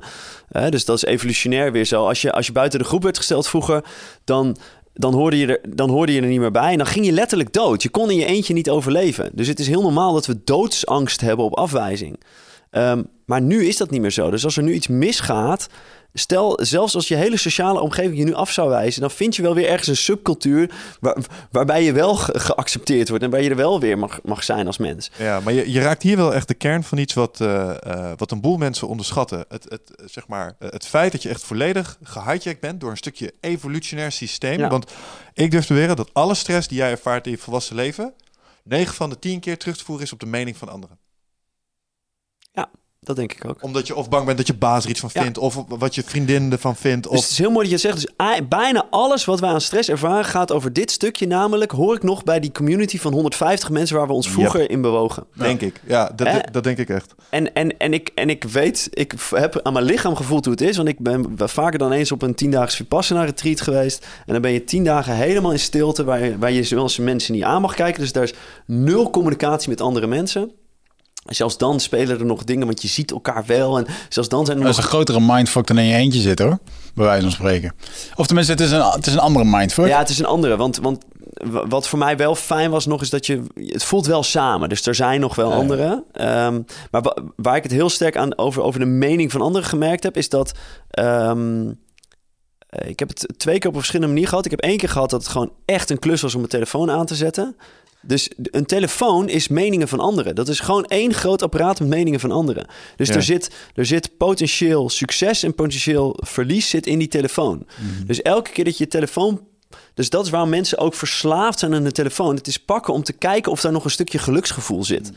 Maar er kan dus oh, er kunnen ook vervelende dingen vandaan komen. Mm. Ik weet nog dat ik mijn telefoon toen aanzette en ik voelde gewoon de adrenaline door mijn lichaam stromen. Ik, en, en toen besefte ik me ook, dit hebben, we dus, dit hebben we altijd. Ja. Want het is, ja, oké, eh, het zijn nu wat meer berichtjes dan normaal. Maar maar normaal voel ik het vooral veel minder. We hebben een verhoogd hmm. stressniveau. Er zit cortisol, adrenaline de hele tijd in ons bloed. Maar dat voelen we niet meer, omdat we nooit ontprikkeld raken. En toen heb ik dat echt ervaren. Ik had dat toen ik zes weken uit de jungle kwam, had ik ook geen uh, bereik in de Amazon. En toen kwam ik ook weer terug, waar dan het eerste dingetje was. En dan echt een adrenalinepompje van wat, uh, dit ontploft mijn telefoon. Of, en uh, uiteindelijk, viel, want iedereen wist dat ik weg was, was er eigenlijk helemaal niet veel. Ja. En wat ik nu trouwens heb gedaan, omtrent de telefoon. Ik las van de week een meneer, ik ben zijn naam even kwijt, maar dat is een oud designer volgens mij van, uh, uit Silicon Valley. En die uh, weet exact hoe dat dingen gedesigned worden, zodat jij continu ergens op drukt en swipet. Bijvoorbeeld het rode eentje bij WhatsApp, als jij weer hmm. een nieuw berichtje hebt. Dat rood, dat, uh, dat betekent dat er iets is, waardoor je hmm. getriggerd wordt om te doen. Dus deze man die zei, je moet je telefoon op zwart-wit zetten. Dus dat heb ik nu gedaan. Oh. En je wordt veel minder geprikkeld. Instagram is helemaal niet meer interessant, want het is gewoon wat kleurlozer. En je krijgt niet meer, als ik nu ergens zo'n vinkje zie, dan, dan is het gewoon die kleur. Het is helemaal niet meer, oh, die Ik ga dit doen. Dus dit is echt goed. Dit is geniaal, ja. En het zorgt ervoor voor mij dat het, ik, uh, het zeker minder interessant is. En een ander dingetje wat hij had was om alles in uh, mapjes te zetten. Dus dat je maximaal twee bladen hebt om te scrollen. Mhm. Want we zijn, het is dus ook gedesigned dat we echt uh, lekker, scrollen. lekker willen scrollen heen en weer. En wat hij dus zei, je moet eigenlijk gewoon iedere keer naar beneden swipen en dan ga je intypen wat je nodig hebt. Kost je meer moeite. Um, en je zit direct in hetgeen waar je moet zitten. Want anders swipe je weer langs die WhatsApp. De afleiding, en ja, komt. En en joh, het is, uh, het is zo gedesigned dat mensen eigenlijk helemaal... Je wordt gewoon verslaafd gemaakt door het design. Maar dit is een science. Uh, en ze doen aan allerlei, uh, zeg maar, user feedback... om te kijken hoe jij dat ding gebruikt. eigenlijk wat ze hier doen... Um, Blizzard doet dat ook al een tijdje. Dat is, ken je die lui? Die maken computerspelletjes. Ja, Hearthstone, World of Warcraft. Wat ze doen is digitale heroïne maken. Zorgen dat je de juiste prikkel krijgt... de juiste inspanning met een kleine beloningsrespons. Dat, dat geeft dopamine, dat weten we inmiddels. En het is bizar dat, dat er dus regels zijn voor alcohol en drugsgebruik en nog steeds niet voor, voor dit soort dingen. Ja. Dus er zijn kinderen van zes die, die op iPads bezig zijn Ehm, en die gewoon een, een funnel ingetrokken worden van... en nu moet je een aankoop gaan doen als je een level verder wil komen. Yep. Ja. Dat is, dat is, ik weet zeker dat er regelgeving gaat komen. Dit is, dit is, hè, dus dus de, voor Holland Casino zijn er ook dingen over wat je wel en niet mag doen... om de verslaving te prikkelen van, Oh ja? van iemand. Ja, ik weet zo? niet of je... Volgens ja, mij wel. Daar, daar zijn in ieder geval schandalen over geweest... over dat een, een, een, een overheidsbedrijf... die- er zei- Er is ooit een, een interne memo uitgekomen... waar duidelijk werd hoe ze mensen naar binnen Ja. lokken... en verslaafd proberen te Ja, ik krijgen. geloof ook Nou dat dat is een grote rel geweest. Gokautomaten moeten volgens mij ook één keer in de zoveel keer uitkeren. Anders kun je dat natuurlijk gewoon eindeloos eh, blijven doen. ja, ja, en casino's werken natuurlijk alleen met de gratie dat er zo af en toe ook gewonnen wordt. Dus dat eh, is voor het eh, hele... De focus is weg. Voor het hele spelletje sowieso eh, wel belangrijk. Maar jullie zijn allebei geen gamers volgens mij. Ik, ik heb vroeger wel gegamed en ehm, ik, ik, ben- ik heb het op een gegeven moment voor mezelf afgezworen, ehm, omdat ik, ik ben gewoon te verslavingsgevoelig ervoor. Mhm. Dus ik, ik, ik heb aan mezelf gemerkt dat ik vroeger al, dat ze mijn moeder ook zeggen, dat die, die, ze kon gewoon drie keer roepen, Mark, kom je aan tafel? En dan zei ik, ja, ik kom. En dan verloor ik mezelf weer in dat spelletje. Dus ik heb nu als volwassen Mark op een gegeven moment gezegd: ik doe dat niet meer. Ehm, maar toen sprak ik weer iemand die zei: van ja, maar dat is ook wel een beetje rigoureus. Hij zei: hij, hij had weer onderzoek gelezen waar, za- waar hij zei: de mens heeft gewoon een primaire behoefte aan spelen. Spelen is hartstikke belangrijk. Ja, hij zegt dus, ook. dus als je lang genoeg niet speelt, dan word je gewoon een minder leuk, minder aardig, minder vriendelijk mens. En dat heeft me wel weer aan het denken gezet. Ik dacht, ja, ik vind het ook leuk om te spelen. Dus ik, ik probeer nu soms, wat ik soms doe, is een, een spelletje op mijn telefoon installeren. Maar ehm, er zijn geen spellen meer die je gewoon kunt spelen omdat het even leuk is. En die niet dat verslavende effect hebben. Nou ja, dat, dat is eigenlijk een beetje het punt waar ik heen wilde. Omdat nu is een ding in, eh, in de gamer-industrie dat je eh, zogenaamde loot crates. De meeste games zijn free to play. Ja. Maar ze hebben wel een soort goksysteem erin gezet. Waarbij je zo af en toe bonuskistjes kunt krijgen. Die krijg je de puntjes in het spelletje. Maar je kunt ze ook voor 2,95 kopen. Ja. Eh, en je weet niet wat erin zit. Eh, een beetje vroeger, zoals met Magic Cards, kocht je een pakje. Je wist niet welke kaartjes erin zitten, maar soms zat er een hele zeldzame in. En als die zeldzame erin zit, dan ben je echt super happy. Ja. Eh, en dat is, eh, dat is gokken. Ja. En daar werd geld mee Oh, verdiend ja. via Counter-Strike websites. Dus ook weer van dat soort loot crates halen. Kon je eh, dingetjes krijgen voor in het spel. En eh, daar zitten ze nu achteraan om dat beter te gaan reguleren. Omdat Oh, het gewoon goed. een, eh, gewoon een dingetje is. Daar wordt gewoon een soort oneigenlijk gebruik gemaakt van dat soort funnels waar jij het over Ja. hebt. Om mensen tot eh, ja, een soort van eigenlijk te hypnotiseren of verslaafd te maken. Je Ja. geeft ze eerst een beetje suiker. Je geeft ze eerst een paar gratis van die dingen. Ja, maar die puntjes uit het spelletje genereer je niet snel genoeg. Krijg je nooit snel genoeg En binnen. het is bizar om te zien hoe ze, hoe ze je erin, erin lokken. Ehm, want ik ben. ehm, eh, dus ik was, ik was er redelijk mee gestopt, maar ik was begin juli werd ik aan mijn knie geopereerd. Ik heb met voetbal iets gehad en ik, nou, eh, überhaupt ook een punt dat ik ehm, blijkbaar een operatie nodig had om een keer te kunnen ontspannen als ondernemer. Dus ik hoefde toen drie dagen niks van mezelf. Toen heb ik gezegd, wat ga ik dan eens doen? Ik ga weer eens gamen. Dus ik heb een, ehm, een game op mijn telefoon geïnstalleerd en ik, dat was de bedoeling om dat dan drie dagen te spelen. Nou, ah, dat bleef natuurlijk wat langer hangen. Maar ik ben ook in een chatbox. Ik vond het ook wel een interessante wereld. Ik dacht, ik ga eens vragen hoe dat dan zit. Dus, eh, en, en daarvoor merkte ik nog dat. Ehm, ik had op een gegeven moment, ik, ik ga eens wat kopen in zo'n spel. Ik heb nu drie dagen dat spel gespeeld. Ik heb er best wel veel plezier in gehad. Ik ga nu achteraf wat kopen. Gewoon om, ja, weet je, die mensen hebben dit wel ontwikkeld. Eh, laat ik daar eens 5 euro tegenaan slingen. Vind ik leuk. Wat ik toen merkte is dat... En dan komen ze daarna met een nog betere deal. Die van 11 euro. Hè? En, en dan heb je al een stapje gezet. Dit is precies hoe het werkt binnen... Hè? Dus als je Influence of zo leest van eh, Robert Cialdini... Is... me- ehm, ehm, eh, hoe heet het ook weer? Mensen willen eh, follow-ups. Dus je, oh, je wil consistency. Mensen willen consistentie. Je hebt al een keer betaald. Als iemand al één keer 50 cent heeft uitgegeven... is de kans dat hij nog een keer wat uitgeeft veel groter. Ja. En ik zag toen bedragen daar. En ik vroeg gewoon eens in die chatgroep van... "Ho- hoe zit dat? Wa- wat geven jullie hier dan uit? Er zei gewoon iemand... Ja, ik had één account waar eh, 2k in zat... en die andere die was 6k. Maar ik heb ze allebei weer verkocht. En ik, ik zei... Heb je heb jij voor 6000 euro dingen gekocht? Eh, gewoon digitale, virtuele dingen. Ja, ja, ja. Ja, maar dan kun je bij de Chinezen, die vinden dat mooi. En heb ik mijn account verkocht, had ik alles weer uit. Nou, daar ging de wereld zo. Ik dacht, ik ben Ja, toen ook gestopt. Ja, ik denk, ik ja, niks meer mee te maken. Luister, ik heb vrienden die hebben, ehm, die hebben geld uitgegeven, echt geld aan eh, goudstukken in games als World of Warcraft. En dat kochten ze van Chinese farmers. Er was een industrie in China waarbij gewoon mensen in sweatshops World of Warcraft zaten te spelen. En wat deden ze dan? Nee. Ja, monstertjes doodmaken. Daar kreeg je geld voor. Dat geld werd dan weer verkocht. Bijvoorbeeld als jij een mooi paardje wilde in dat spel, zodat je ermee kon pronken met, bij andere spelletjes, dan had je daar geld voor nodig. En eh, dat zelffarmen, ja, dat kostte een week. Nou, dan ging je naar zo'n Chine naar een foute website en dan kwam er zo'n Chinese goudboer die kwam ingelogd. Dan maakte hij met PayPal wat over. Die boekte jou eh, in dat spel goudstukken over. Ja. Het is gewoon een industrie, man. Dat is echt serieus. Ja, ik zag dat er nu ook al de eerste miljonairs zijn met eh, Call of Duty eh, wapens. Dus je gewoon een wapen kan designen. En, eh, Volgens mij zijn dat die loot crates waar ik het net over had. ja, dat zijn van die extra upgrades die... eh, of tenminste, ik zag dat op Vice volgens mij ergens. Ja, dat Ja. het voorbij kwam. Maar het is een hele business nu, free to play. Echt A-titels, klasse spellen waar je niks voor betaalt. En ze doen het met de microtransactions. Ah, ik Ja. zat laatst op een bruiloft ook, waar een vader in één keer... Of een, of een verjaardag was dat, zo- laatst, dat weer drie jaar geleden of zo. Maar in ieder geval, daar werd de vader in één keer... eh kom je naar binnen dat zijn zoontje 65 euro aan bosbessen had gekocht in de Smurfspel. Fucking mooi, weet je wel. Die, en die kleine maar kopen.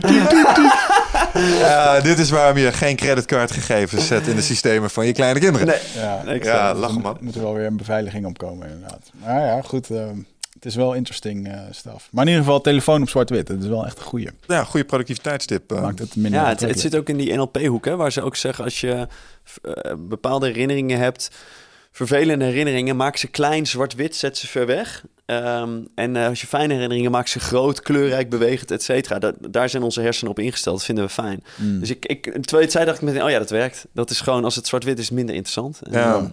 Bas Haring, die was hier laatst, die zette me aan het denken over... eh, we hadden het over brain interfaces en neural link. En dat eh, Elon Musk is bezig met iets dat kan eh, tegen je hersenen aanpraten. En toen zei hij ook, ja, maar de beste interface die bestaat al, dat zijn je ogen. En dat is waarom denken in plaatjes, zeg maar, en dit soort prikkels uitzetten... denk ik ook zo krachtig is. Wij, wij, Ja. denk- wij zijn helemaal visueel ingericht eigenlijk als, als wezen. Dat is ons primaire informatiebron. ja. En da- daarom werkt dat denk ik zo goed, wat je zegt. Ik denk dat er wel wat in zit. Heb jij een bepaalde ochtendroutine eh, ontwikkeld eh, om jezelf een beetje helder en scherp en fijn te voelen in de ochtend? Ehm, ja, en hij is niet. ehm, de laatste tijd is hij niet meer. Ik heb een hele drukke periode gehad nu. En, Wakker worden eh, met een kater, standaard. Ja. Nee, nou, als je het over. Dus ik drink al eh, drie jaar niet meer, denk ik. Dus dat, is, dat houdt me wel heel erg scherp. En dat is niet omdat ik het niet van mezelf mag, maar dat ik gewoon op een gegeven moment ook beter naar mijn lichaam ging luisteren. Van wat. Eh, niet alleen wat vindt mijn mond lekker, maar wat vindt de rest van mijn lichaam ook fijn. Dus een van de grootste wins die ik eh, mezelf de afgelopen jaren heb aangeleerd. En denk de afgelopen vijf jaar dat ik al Om op booze. Ja, gewoon eh, eh, door de week een keer een flesje wijn met je vriendin. Of vrijdagavond standaard Prosecco. En fuck man, eh, nu snap ik pas dat ik gewoon... Als je jong hebt, heb ik, als je jong bent, zeg 20, 25 kan je het beter hebben. Maar ik merk nu echt gewoon, als ik nu een fles wijn drink, dan verstoort dat gewoon heel mijn ritme en heel mijn, heel mijn ding. Ja. Eh, Ah, en bij ons kwam er dan ook weer, nou ja, van een fles Prosecco kwam weer het andere. Gingen, oh, we moeten weer uit. En werd het nog groter en gekker. Vervolgens zaten we om vijf uur steeds op de bank. En dan, eh, ja, nee. Misschien is het ook wat gebrek aan slaap wat je het meesnakt dan de dag daarna. Ja, gewoon, maar gewoon alles, weet je. Gewoon, ja. en, en als je dan al, en dat was ook een ding, eh, super hard werken alle twee door de week. En dan was dit het moment om lekker te ontspannen. Even niks, eh, even niks meer. En dan al die dingen erbij. En dan, joh, dat, eh, dat was gewoon onze manier van ontspanning. Die je Ja, jezelf en het is- aanpraten. En het is meer verdoven Ja, vaak dan absoluut. ontspannen. Hè? En, en, ehm, Want je doet het ook uit een ontvluchtmodus, want je wil je niet zo voelen. Ja. De machine uitzetten Ja. Dick Swaap het. Ah, even lekker ontspannen. Oh ja, dan staan we met 3000 Ja. mensen te huizen op een, op een feest. eh, helemaal stuiterend. Maar eigenlijk ja, zit iedereen naar een soort van ontsnappingsmodus. Ja, en, en ehm, als je het dan hebt over ochtendroutines, is niet altijd ochtend, maar dus in meditatie is voor mij in ieder geval heel belangrijk. Dus ik, ik, ik, ehm, ik denk dat ik veel van de ontspanning die ik eerder uit dat soort dingen haalde, ehm, dat ik die daar vind. Mm. Eh, dus dit is, het is veel minder leuk eh, om mee te beginnen. Ik heb nooit zin om te gaan mediteren, maar Mm. zodra ik zit, dan is het wel fijn. En daarna is het sowieso, geeft het echt een, een voldaan gevoel. Ehm, maar ook, eh, ja, weet je, ook voedingsdingen. Ja, ik heb, ik heb zoveel dingen waar ik me bij... Ik heb, ik heb eergisteren een dag gevast. Dat vind ik soms belangrijk. Dat, de, eh, dat helpt me. Ik merkte toen weer dat ik echt weer eh, eh, vet aan het verbranden was. En minder die pieken en zo. Dus ik had een hele lange dag. s ochtends om acht uur begon ik met trainen. En om, om eh, elf uur, half elf was ik nog bezig. Ehm, en ik dacht, ja, dit gaat dus prima met heel weinig eten. Ja, ik heb daar wel een vraag over. Ja. heb je nergens op die dag, dat heb ik dan, als ik niet snel genoeg mijn eten krijg, op een gegeven moment krijg ik een humeurprobleem. Dan, eh, dat, dat weten mensen in mijn omgeving ook. Ik ga maar even wat eten, vriend, weet je Ja. wel. Want eh, ik merk dat ik dan eh, inkak in termen van mijn stemming. Heb, heb jij dat wel eens, Gerrit? Want jij Ja. vast ook wel eens? Ja, heel erg. Ik, ik doe intermittent fasting, dus in de ochtend eet ik niet. Oh ja. Ehm, dus ik, eh, ik stond bijvoorbeeld net had ik de keuze. Ik heb hier een heerlijke bak vette yoghurt met avocado en noten en dat soort dingen gegeten. Eh, maar ik stond net in de supermarkt. Dan had ik eigenlijk heel veel zin in een broodje met kaas. Weet je wel? Maar op het moment dat je dat dus doet en eh, je gaat dan denk ik heel veel koolhydraten, of ik eet dan heel veel koolhydraten of wat dan ook, waar, of niet zo voedzaam. Uh, man, daar word ik helemaal slap van, kriegelig en heel licht geïrriteerd. Dan hoeft er echt maar dit te gebeuren en dan uh, ben ik niet de weg die ik moet zijn, zeg maar. Ja, je hebt ja. daar dus geen last van, merk ik. Nou, weet je, weet je wat? Het, het is ook er zit zoveel psychologie weer bij. Het is echt waanzinnig. Dus als ik uh, vandaag is, dan heb ik niet besloten, het is geen vaste dag. Dus als ik zometeen, als het wat langer duurt voordat ik uh, eten heb, dan word ik ook hangry en dan word ik Hangry, ja, en, dat is het woord, ja. ja. en maar als ik besluit vandaag, hè, dus ik, ik doe um, uh, van Michael Mosley um, de um, Eat Fast, Live Longer, dat je 25% van het aantal calorieën dat je op een normale dag binnenkrijgt, dat, dat mag je dan op zo'n dag eten. Dus mm. in een stretch van 36 uur heb je gewoon, ja, heel, je krijgt heel weinig binnen. maar omdat ik me dat voorneem, ga ik met een andere psychologie die dag al in. Van, nou ja, vandaag ga ik ja, honger hebben voor, zover, voor zover dat honger is. En, en meestal eet ik dan tot drie uur niks. Dan doe ik een heel klein beetje havermout. En dan uh, om een uur of vijf nog uh, wat uh, lins met spinazie. Ik heb, ik, ik heb het ook, het is ook makkelijk gewoon ook precies weten wat ik eet. Mm -hmm. En... Um, en dan, ja, ik, ik, ik heb al honger, maar ik weet ook dat het zo is. Er zit, er zit zoveel acceptatie bij. En nou, als je, jullie hebben Jan Gut hier ook gehad, ik refereerde heel eerder naar hem. Hij, hij zegt ook, weet je, alles is uiteindelijk, um, je hebt niet last van de emotie van het gevoel zelf, maar van het verzet ertegen. Mm. En als ik me dus niet op zo'n dag, ik ben aan het vasten, dus het is oké, okay, dus ik verzet me er niet tegen, dan is er niet zoveel aan de hand. En dan, nee, dan ben ik niet zo hangry, dan heb ik... Ja, het is allemaal heel goed te overzien eigenlijk. En, en wat het fijnste is, oh, morgen mag ik weer lekker eten. Weet je, ja, prachtig. Als je het hebt over dankbaarheid. En, ja, ja, ja, ja, very true. Misschien is het ook inderdaad wel op zo'n dag dat je dan op een gegeven moment... Er zijn namelijk ook wel eens dagen, dan kom je thuis en denk je, wat heb ik vandaag eigenlijk gegeten? En dan was je gewoon zo druk de hele dag. Dan was je niet eens mee bezig. En dan kom je erachter, je eet te weinig. Dat is wat we van personal trainers nog wel eens horen. De meeste mensen eten wat te weinig. Mhm. Afhankelijk van je doel in de sportschool dan weliswaar. Maar, um, maar als je inderdaad voorneemt, ja, morgen een dag vasten. Eh, dan zit je er ook al een beetje tegenaan te hikken. Oh, ik moet vasten morgen. En als je dan wel wat eet, dan ben je aan het falen, weet je wel. En dan heb je zelf dat weer aangedaan. Ja, dus en, en bij, mij wer bij mij werkt hij niet zo in die zin dat het... Omdat, omdat ik dat vaker gedaan heb, dat het gewoon... Um, ik weet hoe het werkt. Het is gewoon... Eh, ik merkte echt dinsdag van... Um, Oh, wat lekker. Oh, hier was ik weer, hier was ik weer even aan toe. Mhm. Even de boel uh, schoonspoelen. En, uh, dus ik had er geen weerstand tegen. En, en uh, ja, daarnaast gewoon lekker ook mag van de dag daarna lekker eten. weer lekker eten. Ja. Mm. ja. Wat haal je dan voor jezelf als je echt zo, oh, nou gaan we even lekker halen?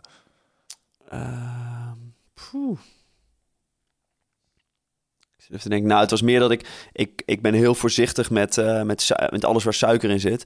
En op, die, en op zo'n dag daarna, dan, ik was ergens en daar stond uh, een bakket staaf en pepernoten. Dus dan sta ik mezelf toe dat ik daar uh, op, op een dagje even, even aan meedoe, zeg maar. Dat was het. het is die tijd weer. Chocoladepepernoten. Dat is de ah, nagel aan mijn doodskist, ja, De, de ja? truffel. oh, fucking hell. Die dingen die zijn lekker. En um, dit zou echt verboden moeten worden bij de Geneefse conventie. Maar bij de Albert Heijn liggen kilozakken. ja. Hoe haal je die hoofd? Weet je wel. en, en, als je het over verwennen hebt, wat ik wel... Dus ik ben ergens ook gestopt met chocola eten, maar dat komt nu weer een beetje in mijn, in mijn systeem terug. En ik ga zo meteen ga ik naar um, uh, Tony Chocolonely's uh, jaarvergadering. Oh, leuk. Uh, dus dat, daar hebben ze een heel evenement van gemaakt. En uh, ja, daar zal genoeg chocola aanwezig zijn. Dus ik, ik mag straks indulgen van mezelf. ik ben daar en het is... Uh... We hopen er binnenkort aan tafel te zitten. We zijn ermee uh, in gesprek om ze hierheen heen te halen. Ah, of wij daar naartoe. Ja, dus doe even een goed woordje als je wil. Ja. ik, had dat, ik had dat in Bali, dat ik op... ik was er een maand. En normaal heb ik altijd de, de gewoonte...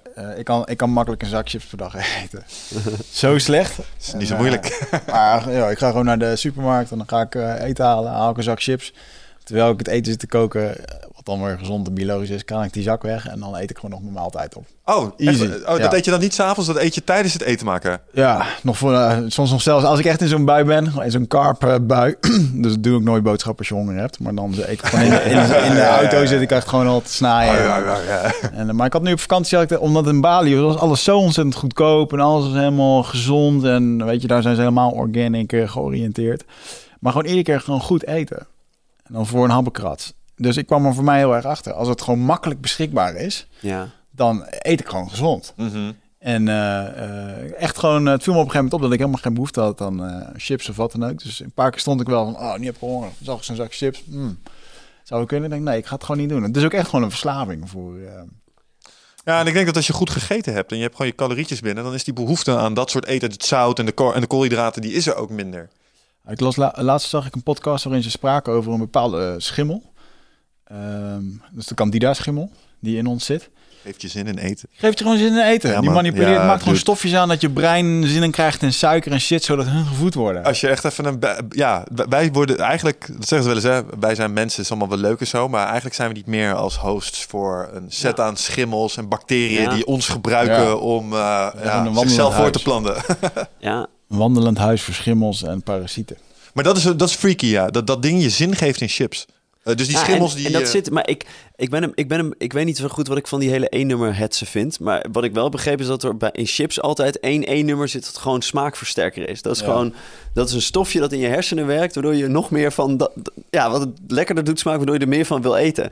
Je zit gewoon, je zit gewoon iets te eten wat doet maken dat je nog meer wil Ja, eten. en, ja, en, ook die, ja, ja. en ook die zak chips. Ik bedoel, die zak chips is niet grijs. Nee, maar dat is een industrie. Ja, ja, ja, ja, ja, zeker. felle kleuren, weet je wel. Hetzelfde met McDonald's. Schijnt ook dat die, of ik weet niet of het een urban legend is, maar het lijkt me wel logisch dat die kleuren ook echt gedesigned zijn om je... eh er is wel eens tegen mij verteld, ehm, het is ook zo dat mensen altijd lopen te schrokken bij de McDonald's, nooit rustig eten, omdat het komt heel erg door die kleuren. Daar schijnt een bepaalde psychologie achter te zitten. Ik weet niet of het echt zo is. Het is- Misschien is het urban legend. Het is lang Maar- geleden dat ik daar gegeten, maar het was je- wel altijd ja, snel op. Ja. Ja. weet je wel dat je bij McDonald's zat dat het gewoon was? Maar is het ook niet gewoon omdat het lekker is? Ja, Ja, nee, ja, nee, het lijkt nee. lekker toch? Ik, eh, als ik bij McDonald's at, dan voelde ik me altijd verkracht daarna. Dan was Had ik zin in een douche. Je, daar wilde ik me schoon, maar bijna letterlijk. Dat me- is inderdaad. Maar ik heb het denk ik heel lang gegeten bij de McDonald's. Joh, toen ik op de op mijn 16 op de MAVO zat, ging ik 's ochtends naar school. Dan kocht ik een blikje 7-Up voor van die 3S, weet je wel. 7-Up, 35 cent. Twee appelkoeken van 50 cent op school. Dat was gewoon mijn ontbijt. Dat deed ik het gewoon op, man. Dan haalde ik mijn Ja. examens op, weet je Ja. wel. En dan in de, in de pauze dan haalde ik een zak chips dat ik dan fijn eh Ja. En dan ging ik zo met mijn vinger... Waarom doet iedereen in Nederland toch hetzelfde? eh, kleine, kleine weet je wel. Maar dan zat ik alleen maar dat te eten. En af, als het er vanaf kon, gingen we een sausage broodje halen. Dat was dan in de pauze. En jongen, jongen, jongen. En uiteindelijk denk ik dus dat een hele hoop jongeren, inclusief ik zelf... op een gegeven moment weet je helemaal niet meer hoe dat je je, hoe dat je, je gezond moet voelen. Ja. Weet je, want je eet worstenbroodjes. eh dat sommigen je- roken nog een keer een joint tussendoor op een 14e. Op middelbare school zitten, zitten aapgapen in die schoolbank. En s'avonds wordt er weer eten ingegooid. Ja. Maar je wist het ook niet. Je wist het ook niet. Niemand had het erover. Ik ben er pas mee bezig gaan toen met die boodschappenlijst van, jij, die, van jou... die je toen hebt gemaakt naar aanleiding van SEALS. Had je de hele supermarkt in kaart gebracht. Want op het internet was die informatie er ook nog Ja, niet. ja, ja. Moest je dat zelf doen. En Ja. toen pas ging je bezig. Oh, witbrood is helemaal niet goed voor je. Oh, what the fuck. Oh, je Ja. moet eh, niet... eh, Ja. Nou, het, het is bizar hoe die. Dus een vriendin van mij die is. ehm, eh, zij is arts en zij. Ik heb in Groningen gestudeerd en zij eh, zat op een gegeven moment in Oost-Groningen bij een, een of ander perifere ziekenhuis. Waar ze een, een, een vrouw met. eh, een obese vrouw met, met klachten kreeg. En dat ze tegen die vrouw ook zei van ja, maar misschien wel handig om wat aan uw gewicht te doen. En eh, hoe eet u nu dan precies? En die vrouw die zei, nou, dit en dat. Ze zei, er is wel heel veel vet en suiker. Hè? Dus ja, het is niet zo gek dat u, eh, dat u dik bent. Ze zei, "Eh, hoe- waarom dan? Hoe zit dat dan? En eh, dus het, voor, voor die vriendin was het een check van ja, dit weet je waarschijnlijk wel, maar ik zeg het toch maar even. Maar zij, zij wist het dus gewoon niet. Ja. Dus zij was een paar weken later terug heel veel, heel veel kilo's kwijt, omdat ze gewoon niet wist dat je, eh, ja, dat je dat niet moest eten als je niet dik wilde zijn. Ja. Dus, dus het is bizar hoe groot de onwetendheid eh, soms Ja. is. En ook wel in lijn met, met, met, met wat jullie zeggen is, wat ik in mijn boek beschrijf, is dat tot je, tot je 18 ongeveer zorgden je ouders voor je. Dus mijn, mijn moeder was heel erg van het gezond koken. Dus ik heb altijd gezonde voeding gehad. Super fijn. Mm. En dan 18 tot 24, dat noem ik de roofbouwperiode. Dus daarin... De frituur. Ja, Ja, ontdek je de frituurpan. Je, je hebt een super... Hè, dus al die, die shit die jij, eh, die, die, die jij at op de middelbare school... Dat, dat kon ook gewoon. Want je, had, hè, je was in de groei, je had gewoon ook veel eh energie nodig. En je kwam daarmee weg. En dat lichaam was jong, flexibel, sterk. Dat kon het allemaal hebben. En, en helaas, ergens heb ik moeten constateren van... ja, ik, ik kan niet meer alles eten en drinken wat ik wil... als ik, als ik optimale energie wil hebben. Aha. Toen was dat een vanzelfsprekendheid. Maar die roofbouwperiode is over. En dan komt de zelfzorgperiode. Ehm, en daar gaat het hier over. Wat, wat doe je nu voor jezelf om optimale energie te hebben? Daarna komt de, de verzorgperiode. Dat je verzorgd mag worden. ja. Toch vraag ik me af wat er zou zijn gebeurd als we in die eerste opbouwperiode, als de, de kennis over voeding daar beter was geweest, ook bij je ouders. En we hadden een opgroeiende wicht, hadden we elke dag gewoon steak gegeven en zoete aardappelen en vier verschillende groentes en dan structureel in plaats van de 3S en de sausijzenbroodjes. Kijken wat er dan met je gebeurd was. Was je dan sterker geweest? Was je slimmer geweest? Was je anders ontwikkeld? Vraag Ja. me dat wel eens af. Ja, het heeft ook te maken met je dagelijkse, eh, je dagelijkse dingen. Ik bedoel, toen ik bij de Indianenstam was, was dat, zag je die jonge gasten van 24 die eigenlijk dat niet anders deden. Het waren echt paarden. Ja, Gewoon fucking gespierd en eh, atletisch. En niet veel eten, maar eten wel heel schoon, heel zuiver. Dus het lichaam, dat, als je die een koekje, ik had een koekjes meegenomen. Als je die een koekje aanbood, dat hoeft dus ook helemaal niet. Want dat vonden ze Nee? helemaal niet, eh, nee joh, is helemaal niet interessant. Ja, maar het is hetzelfde als je een tijdje met de suiker gestopt bent en je drinkt weer een colaatje. Ja. Dan denk je, "Jee, waar- Ja, waar- hoe vond ik dit is- lekker? En als je dan de tweede drinkt, dan ben je weer hooked. En dan eh, is die derde ineens weer lekker, Ja. weet je Ja, wel. ik, Ah. weet- ik weet nog dat ik mijn eerste turnaround boek was wel echt eh, een six, echt een heel fout boek, foute titel. Sixpack in zes, zes weken van de mensheld of zo. Die heb ik Dat ook was- gehad. ja, de de 100 eerste dagen mens helft. Ja, Zo'n oranje, ja. oranje boek of zo, Ja. weet je was dat? Hoe heet die doet ook alweer? Dat Guy... no- Nee. Nee, nee, nee. eh sixpack in zes... Hij is echt even zo'n sixpack in eh, zes weken. Ik heb zo'n boekje 100 dagen, in 100 dagen Dat is, op de, op- dat is volgens mij de opvolger van. Oh. Eh, maar die had ik toen ergens bij zo'n eh supplementenshop in Amsterdam eh, gehaald. En eh, daarin stond dan een low carb diet, weet je. Dat was daar een beetje, kon je in zes weken kon je jezelf helemaal shredded maken. En toen weet ik nog wel dat ik dat deed. En dat ik toen een blikje cola dronk en dat ik het gewoon achter voelde trekken in mijn kaken. En toen Ja, dacht ik, holy fuck, dit is dus gewoon die suikerrush die, eh, die Ja. eerst normaal was, weet je. Ja. En eh, eh, joh, ik kreeg laatst ook een, eh, een mevrouw die volgt onze podcast. En haar zoontje die heeft ADHD. Ehm hoe beschreef ze nou? Dus dat het kijken inmiddels op de webshop voor dingen die hem konden helpen bij concentratie. Want hij had ADHD. Hij zat vooral over computerspelletjes te trainen. Hij dr- dronk altijd een energiedrankje. Dus dat, en stuurde ze dat energiedrankje door, wat dan, eh, waar ik naar moest kijken, wilden ze mijn mening over hebben. Gewoon vol met guarana en shit. Allemaal van die wat gewoon je dopamine in één keer flusht. Waardoor je helemaal jittery achter die computer zit. En dan ja, geconstateerd met ADHD, weet je. En dan niet sporten. Het is zo'n opeenstapeling van. En dan ook nog van dat soort pillen erbij gaan gooien. Dan wordt het helemaal een, eh, Ja, joh. een zombie, weet je wel. Ik heb laatst mijn eh, twee neefjes eh, bij me thuis logeer gehad. Die willen dan komen gamen bij oma Michel. En dan haal ik voor hun haal ik wel wat cola. En je kan het gewoon zien, hè. Het blikje gaat open. En ze beginnen te drinken en te gamen. En dan echt 20, 25 minuten later stuiteren en springen en lawaai. En ja, je ziet het gewoon aangaan bij die kiddo's. En eh, dan, eh, ja, ze zijn altijd zo druk. Ik denk dat het wat te maken heeft met wat je ze te drinken geeft, eh zusje. Er zit bij mij ook altijd wel een ergernis als ik dan in Amsterdam-West, waar ik eerder voorheen woonde. Dan ging ik dan naar de supermarkt s'avonds. En dan zie je gewoon horden van die gasten die buiten op straat een beetje lopen te hangen. Inclusief zoals ik ook was toen ik Wat 16 zeg je, was Met een fucking blikje van die nep energy drink eh, en een zakje chips, weet je wel. En dan daar, af, dat is gewoon hun avond. Mm. En energy drinkje omdat je het lekker vindt. Ja, Het is echt niet goed. Van die kou, gewoon, gewoon vloeibare kauwgombal, weet je wel. Ja. ja, bij mij is het in de straat. eh daar zitten. eh, ik woon in, in Lombok in Utrecht. Dat, dat zit vol met eh, de shawarma tentjes. Ja. Dus het is gewoon. Het is bizar om te zien dat iemand dan bedenkt. Hey, ik ga mijn eigen winkeltje beginnen. Wat zou ik doen? Ah, een shawarma tent. En dan zitten er gewoon weer. Dus, ik, dus later was er, was er weer eentje geopend. Ik dacht, oh, dit is een nieuwe. En ze zitten allemaal vol. Dat is echt bizar om te zien. Maar het is gewoon om 11 uur s'avonds. En dan kom ik ergens vandaan, dan loop ik naar huis. En er is overal zitten.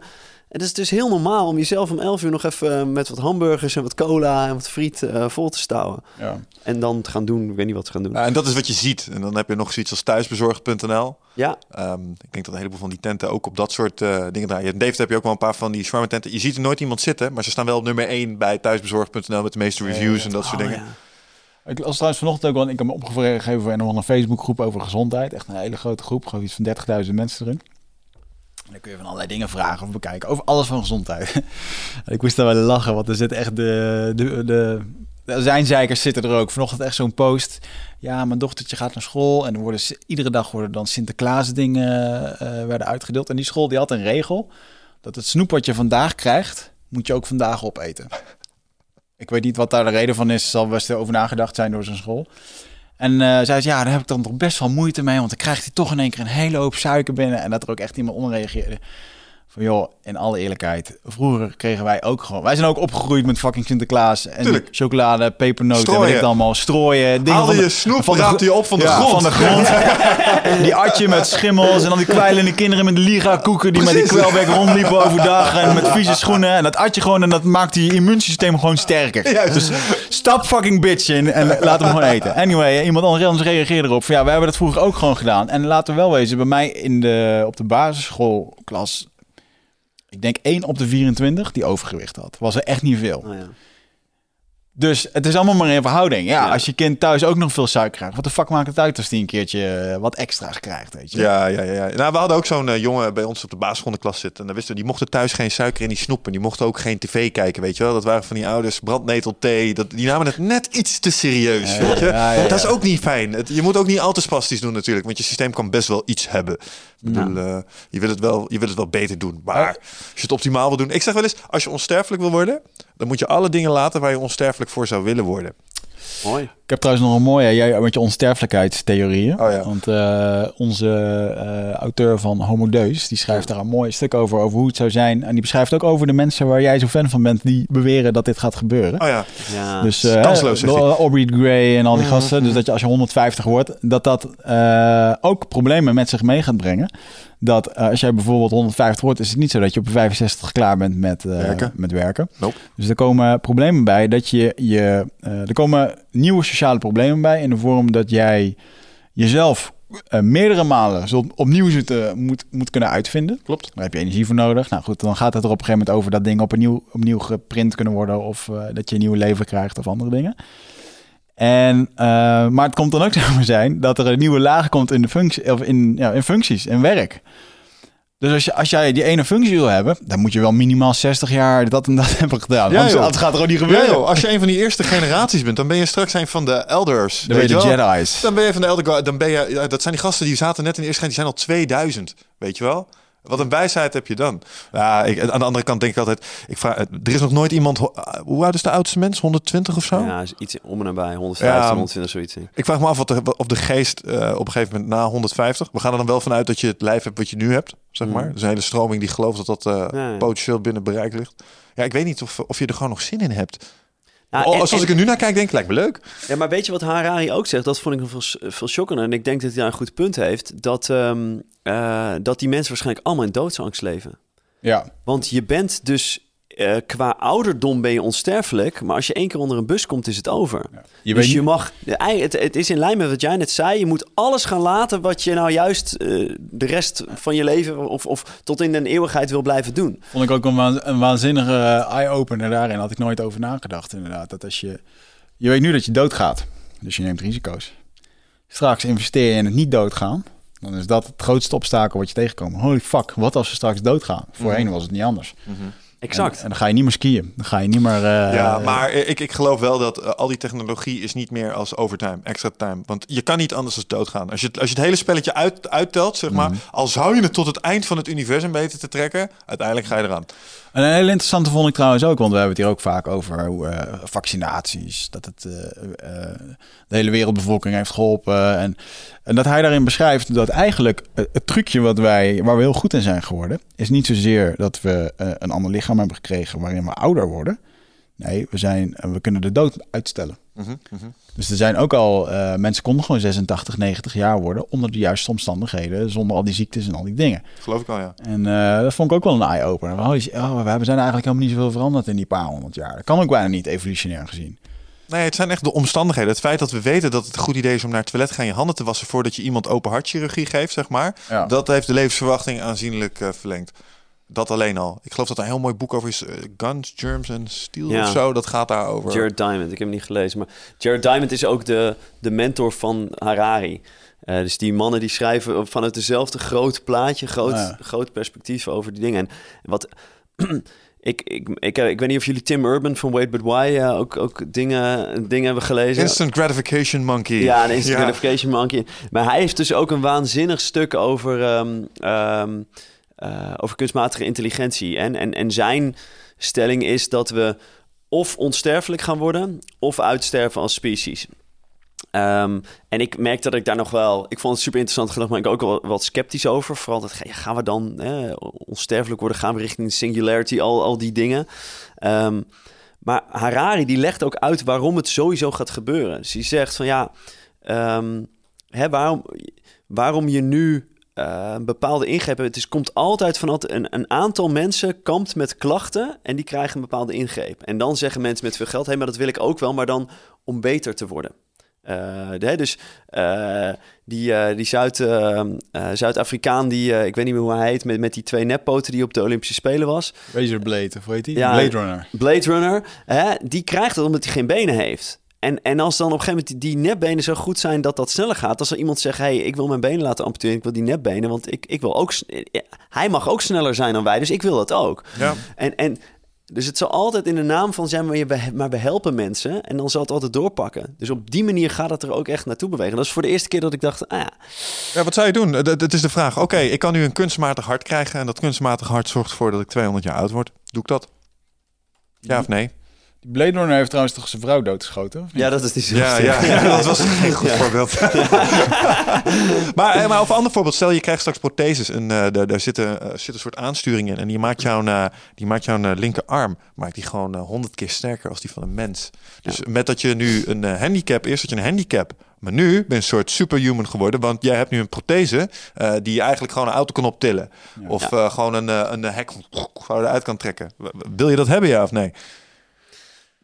Nou, volgens mij kom je dan weer. Hè, dit, dit is, je, je stelt me voor een keuze, dus komen we terug op het keus maken. Maar dan komt ook het punt, ja, wat wil je bereiken? Hè, dus, uh, dus, voor mij zou dan de eerste vraag zijn: wat ga ik daar dan mee doen? En, en uh, hoe is dat in lijn met, met hoe ik mijn leven wil leiden? Ja. stel dat je dat zou doen. Ik, zat wel eens aan, ik was in Borneo geweest, waar je dan van die orang-oetangs uh, ging zoeken. En dan hadden ze een plaatje bij hangen dat zo'n aap kan gewoon zes uur lang aan één arm hangen. Oh. Zo, ah, weegt 150 kilo of zo. En dan gewoon echt gewoon zo'n dikke worst. En dat zou jij ermee willen doen. Dus jij eigenlijk zou heeft hij helemaal niet zo. maar, nee, maar dat is bijvoorbeeld. Stel nou dat, je een, uh, dat ik mijn, uh, ik heb mijn bicep gescheurd. En ik kan een bicep erin laten zetten. Die gewoon eigenlijk gewoon zo, die zoveel sterker is. En vervolgens ga ik kooi vechten. Bang. En ik geef met deze uh, spier, waar ik nu mijn zes uur aan een boom kan hangen. Geef ik jou een, een klap op je kanus. dan zit er iets in jouw kaak wat daar niet tegen kan. Nee. Eens. Dus jij moet anders stalen kaak. En dit is optie 1, zeg maar, waarbij we gaan denken over dit soort protheses. En ik weet niet of die het CRISPR over CRISPR-Cas9 heeft gehad, zeg maar. Het, het, zou maar zo eens kunnen zijn dat je dit straks real-time kunt gene editen. Zijn we 50 jaar zijn we verder en dan gaat Wigert voor een kuurtje. En dan uh, wordt zijn spierweefsel wordt langzaam vervangen door een of ander veel sterker... Ja. orang-oetang DNA wordt aangezet in je, zeg maar. Maar dat vond ik wel een hele interessante om daar nog op door te gaan van die uh, Homo Deus uh, auteur. Dat hij ook wat ik nou over had. Op een gegeven moment ging het over vaccinaties. Die vaccinaties die werken. Uh, maar uh, ons lichaam is slim. En wij bevechten het nu met natuurlijke vaccinaties. Maar wat als er straks een biotech vaccinatie is die het lichaam niet kent? En dat is als het ware, we zijn nu uh, virussen aan het verspreiden hè, voor de bioterrorisme en dat soort dingen. Virussen die we nog nooit hebben gezien, die kunstmatig zijn, waar ons lichaam niks tegen kan. Dat kan je ook doen om de slechte cellen te, te bestrijden. Dus uh, zijn voorspelling was volgens mij dat er op een gegeven moment, dat binnen nu 50 jaar is bijna niks meer uh, wat we niet zouden kunnen bestrijden. Ze kunnen antibiotica kanker laten aanvallen tegenwoordig. Dus dat ze gewoon zeggen, oké, okay, uh, jij bent nu uh, actief uh, antilichaam in het lichaam. nieuwe instructie, dit is je nieuwe doelwit. En ze gaan heel actief richting hele specifieke kan kankercellen. En waar je het over hebt, is de dawn of personalized medicine. Dat ze gewoon kijken naar Wigert. Oh, dit is je DNA, dit is je klacht. hier heb je een up injectie. En die gaat ervoor zorgen dat jouw witte bloedlichamen vanaf nu dit ook doen. Tovenarij. Ik heb ja. laatst zo'n zo'n microscoop gezien die real-time liet zien hoe zo'n CRISPR-ding dan DNA knipte, zeg maar. Kun je echt gewoon op, op dat niveau kun je zien hoe dan, dan zoekt hij dat op, dan gaat hij erop zitten en dan heb je twee van die dingetjes en dan, en dan plakt hij er iets achteraan. En dat kunnen we tegenwoordig gewoon real-time ja. bekijken. Ja, ik vind dat soort dingen echt uh, fascinerend. Uh, als, je, als je kijkt naar dat soort ontwikkelingen, hè, gelet op waar je mee bezig bent. Ja. Uh, en, en de geluksbeleving van mensen, om even terug te pakken op de quarterlife crisis. Wat, wat verwacht jij dat dit soort dingen, bijvoorbeeld basisinkomen, vind ik ook zo'n voorbeeld, dat ja. heel dicht tegen waar jij nu al mee bezig bent, aanschurkt. Want ja. stel je voor, je hebt een basisinkomen straks en je hebt niet eens je baan nog die er echt toe doet. Ja. Nou, ik, zou, ik ben groot voorstander van basisinkomen, omdat ik denk dat het um, in ieder geval een, ook weer een vals excuus dat veel mensen hebben uh, in het licht zal stellen of, of zal doen oplossen. Dus um, als ik uh, met groepen mensen werk, die, of met, met, met individuen, dan is bijna altijd een excuus om niet in beweging te komen richting dat wat mensen eigenlijk echt willen doen is, ja, maar geld en onzekerheid. En, dus, dus dat komt dan op. Um, soms zou ik wel eens, wel eens willen dat ik gewoon op een, op een berg geld zit. Dat ik, dat ik zou kunnen zeggen. Nou, weet je, laten we dat argument het weghalen. Ik betaal gewoon de komende twee jaar uh, betaal ik jouw uh, salaris. Mm. Nee, maar dat is goed, dat doen we gewoon. En, ik, en, en, en als je wat verdient, dan betaal je het me gewoon terug en zo. Maar dat is gewoon, dan hoef je je nergens zorgen voor. Dan weet ik vrijwel zeker dat mensen zullen zeggen... Ja, nee, maar... En dan komt wat er dan echt is. Ik geloof niet in mezelf. Of ehm, ik denk niet dat ik het kan. Of ik ben te trots om... Of ik, wil de sta ik vind de status van mijn huidige baan toch te belangrijk. Dus Ja. vaak is het een vals excuus. Ik, ik heb er wel over nagedacht ook. En ik, ik heb nooit echt serieuze plannen van gemaakt. Maar als je het leuk vindt, kun je het een keer verkennen. Ehm, om gewoon een of andere rijke pipo te zoeken die echt veel geld heeft. En te zeggen, zullen we eens een, eh, een basisinkomen pilot opzetten vanuit particulier eh, initiatief. Dus niet vanuit overheidswegen, maar waar we gewoon dit soort mensen die op de vooravond staan van dan echt dat leven gaan leiden wat je eigenlijk echt wil. De mooiste versie van jezelf, eh, noem maar op, maar je dromen volgen. Ehm, maar om voor hen iets te genereren, dat ze alleen maar te zeggen, ja, ik wil dat gaan doen. Dus is cool. De komende drie jaar wordt voor jou eh, alles betaald. Ja, en dan maak je eh, een onderzoek van en dan ga je kijken wat de best practices zijn, zodat je voorsorterend op de meest recente ontwikkelingen, want het gaat eraan komen, dat je dan een soort plan hebt wat je kunt gaan uitrollen. Om- Ja, om mensen daarbij te helpen. Want ik denk dat het voor een boel mensen wel een soort stress met zich mee gaat nemen. Een een soort crisis. Stel, je bent Ja. nu een vrachtwagenchauffeur en over Ja. tien jaar heb je geen baan meer. En Ja. dat is alles wat je kende. Ja. Nou, dan, dan is het heel fijn als er een groep mensen is die zeggen, wij snappen dit. Kom, we gaan je helpen. Ja. Nou, dus, hè, dus voor dat stuk, maar ook hoe zet je basisinkomen nou het beste in? En wat, wat verwacht je wel van mensen, wat niet? Hè? Het, het, het zal nooit helemaal verwachtingsloos zijn. Dat is natuurlijk wel de opzet. Maar dus ik denk dat je op een heleboel fronten zoiets kan leren. Maar voor de, voor de thematiek waar ik mee bezig ben, ehm, ja, ik, ik denk dus dat het eerst dat het een, een vals excuus uit de weg ruimt. En dan zul je inderdaad hè, tegen problemen aanlopen. Van, eh, hè, maar je, hebt ook dat mooie boek Purpose Economy. We, we bewegen toch al veel meer naar purpose gedreven, ehm, ehm, purpose gedreven werk.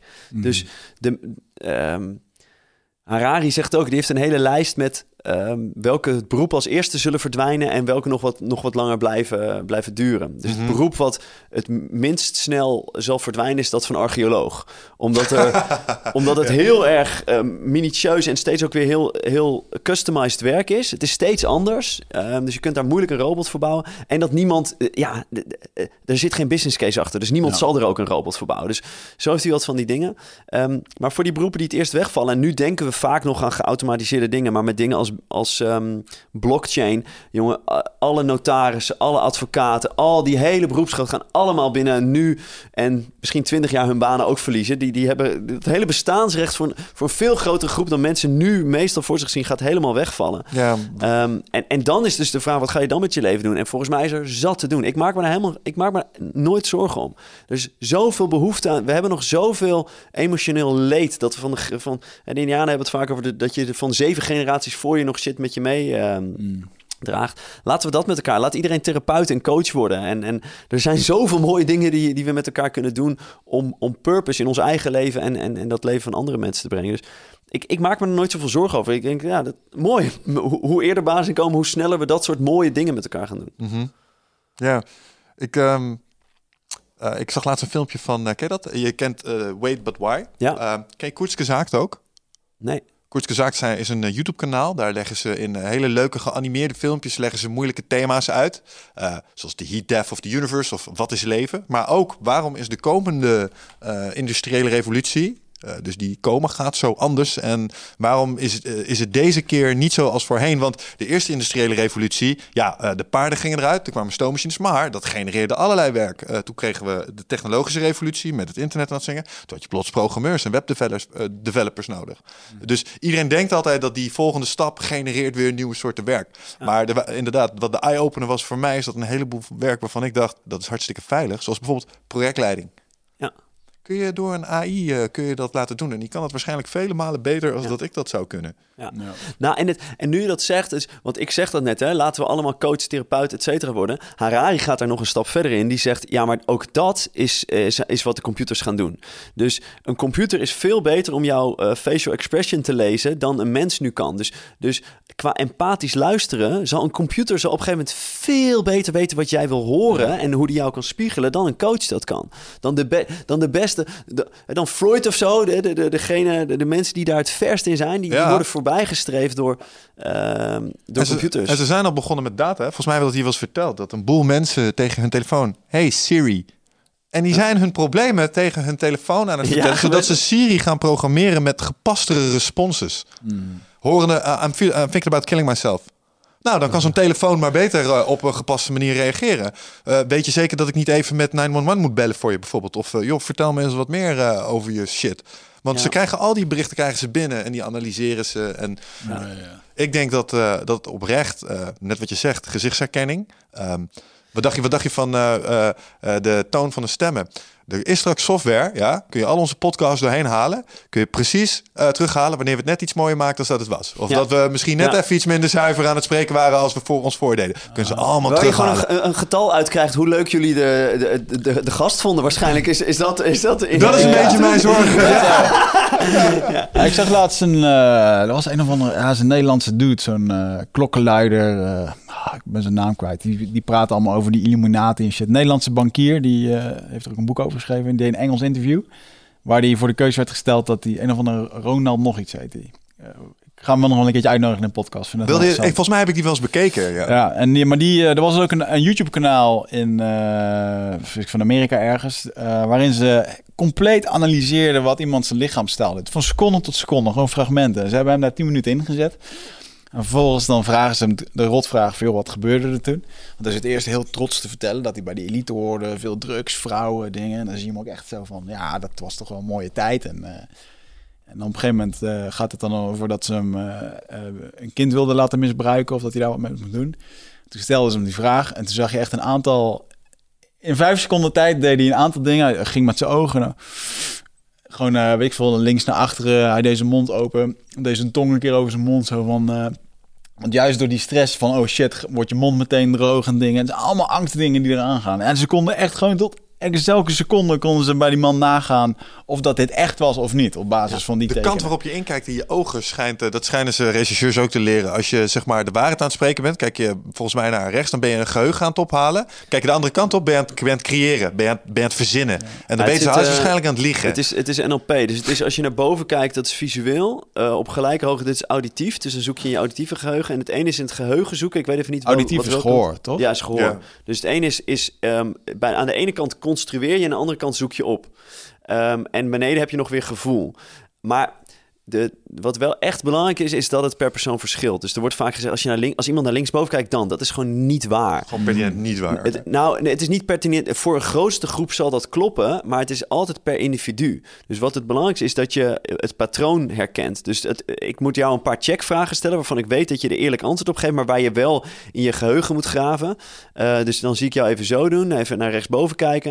En dan weet ik, ja, inderdaad, hij kijkt als hij de waarheid vertelt. Als hij je geheugen graaft, kijkt hij naar rechtsboven. Ja, ja, ja. Wat was het favoriete een vraag en ik zie je naar linksboven kijken, dan weet ik, hé, hey, nu onderbreekt hij het patroon. Nu is hij aan het construeren in het plaats van, van aan het ophalen. Ik weet er nog wel dat er zo'n film was van Steven Seagal, mijn held van vroeger. Ja, dan- Steven, was het ook Die- jou? weet je nog, en er was, er was een film waar hij als politieregisseur werd ondervraagd. En dat de leugendetector iedere keer hetzelfde uitspreekt. Elk antwoord dat hij gaf, gewoon hetzelfde. Als we zo monotoon praten dan ook, weet je? Zo rustig als dat die mensen in elkaar sloeg, zo zat hij ook in die verhoren. Super mooi. Ja. Complete samurai. Ja, dus ik denk uh, terugkomend op uh, het feit dat technologie daar misschien dingen wel eens kon gaan outsourcen. Ik Ja. denk oprecht uh, dat computersystemen misschien coaching en therapie ook nog wel eens beter zouden kunnen. Exact. En, en Harari, die, dus dat, dat is één ding dat hij op een heel mooie manier uitlegt. Maar, en hij pakt bijvoorbeeld de kunsten er ook bij. Dus hij gaat een beetje de argumenten van mensen die zeggen... ja, maar dan is het dus eh, eh, therapie. En dan zegt hij nee, want dit. En dan zeggen mensen, ja, maar dan is kunst. Alleen mensen kunnen kunst maken. Nou, en dan haalt hij ook een onderzoek erbij dat ze op een gegeven moment... volgens mij was het... ehm, eh, er was een computerprogramma gebouwd die, die stukken van Beethoven... of in ieder geval nieuwe stukken kon componeren... die gewoon helemaal Beethoven signature erop hadden. Mhm.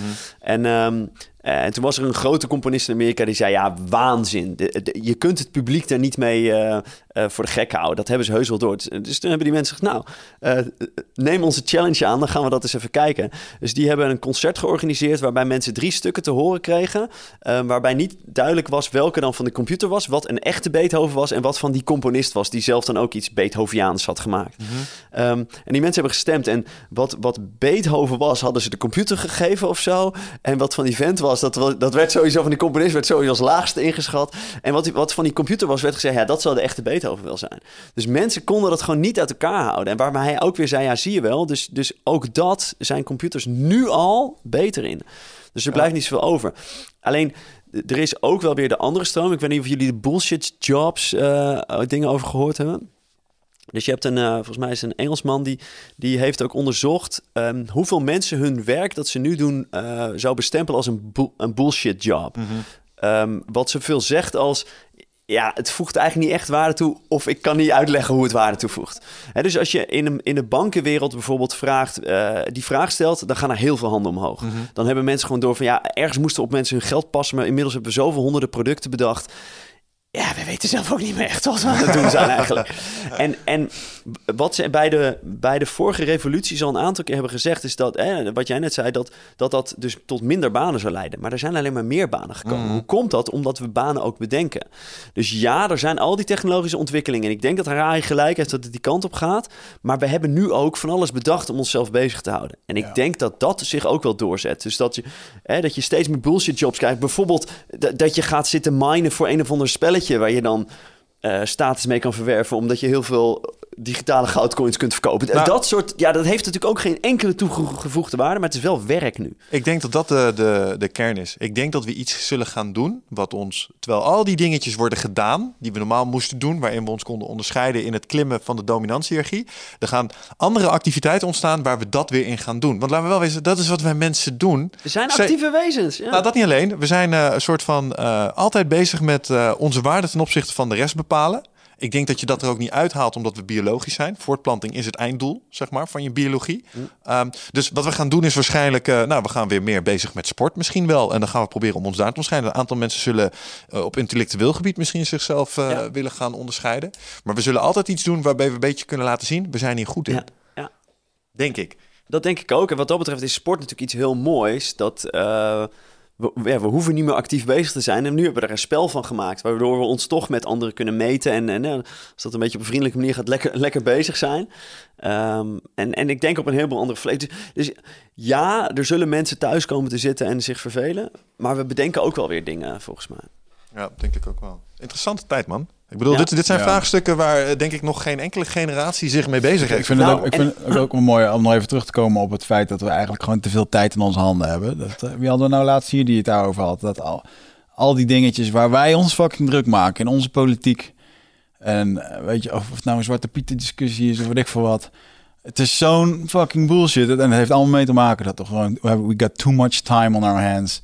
En het is gewoon safe hier, weet ja, je. Man. Als je moet wegrennen voor grizzly beren, dan uh, ben je niet druk over zwarte pieten nee, en dat soort dingen. Dus, nou, en dat zijn dus, dus waar, uh, dus vind ik ook altijd mooi. Ik zei dat eerder al, dat, dat zijn de first world problems. Dus wat ik altijd ook, ook doe als ik een training geef, laat ik, je hebt een heel mooie commercial van een, het is volgens mij een Franse NGO of zo, die, die heeft Amerika, of, uh, Afrikanen voor, voor in beeld gezet. Dus je ziet mensen in gewoon echt van die, bij van die hutjes in Afrika en, en die spreken dan first world problems uit. dus dan zegt iemand zo, I hate it when um, um, uh, when I'm on the bathroom and I forget my phone. Ja, uh, and I hate it when I leave my charger downstairs. And I hate it when, when the neighbors block their wifi. En je, allemaal, allemaal dat soort dingen. I hate it when my house is so big, I need two wireless routers. Ja.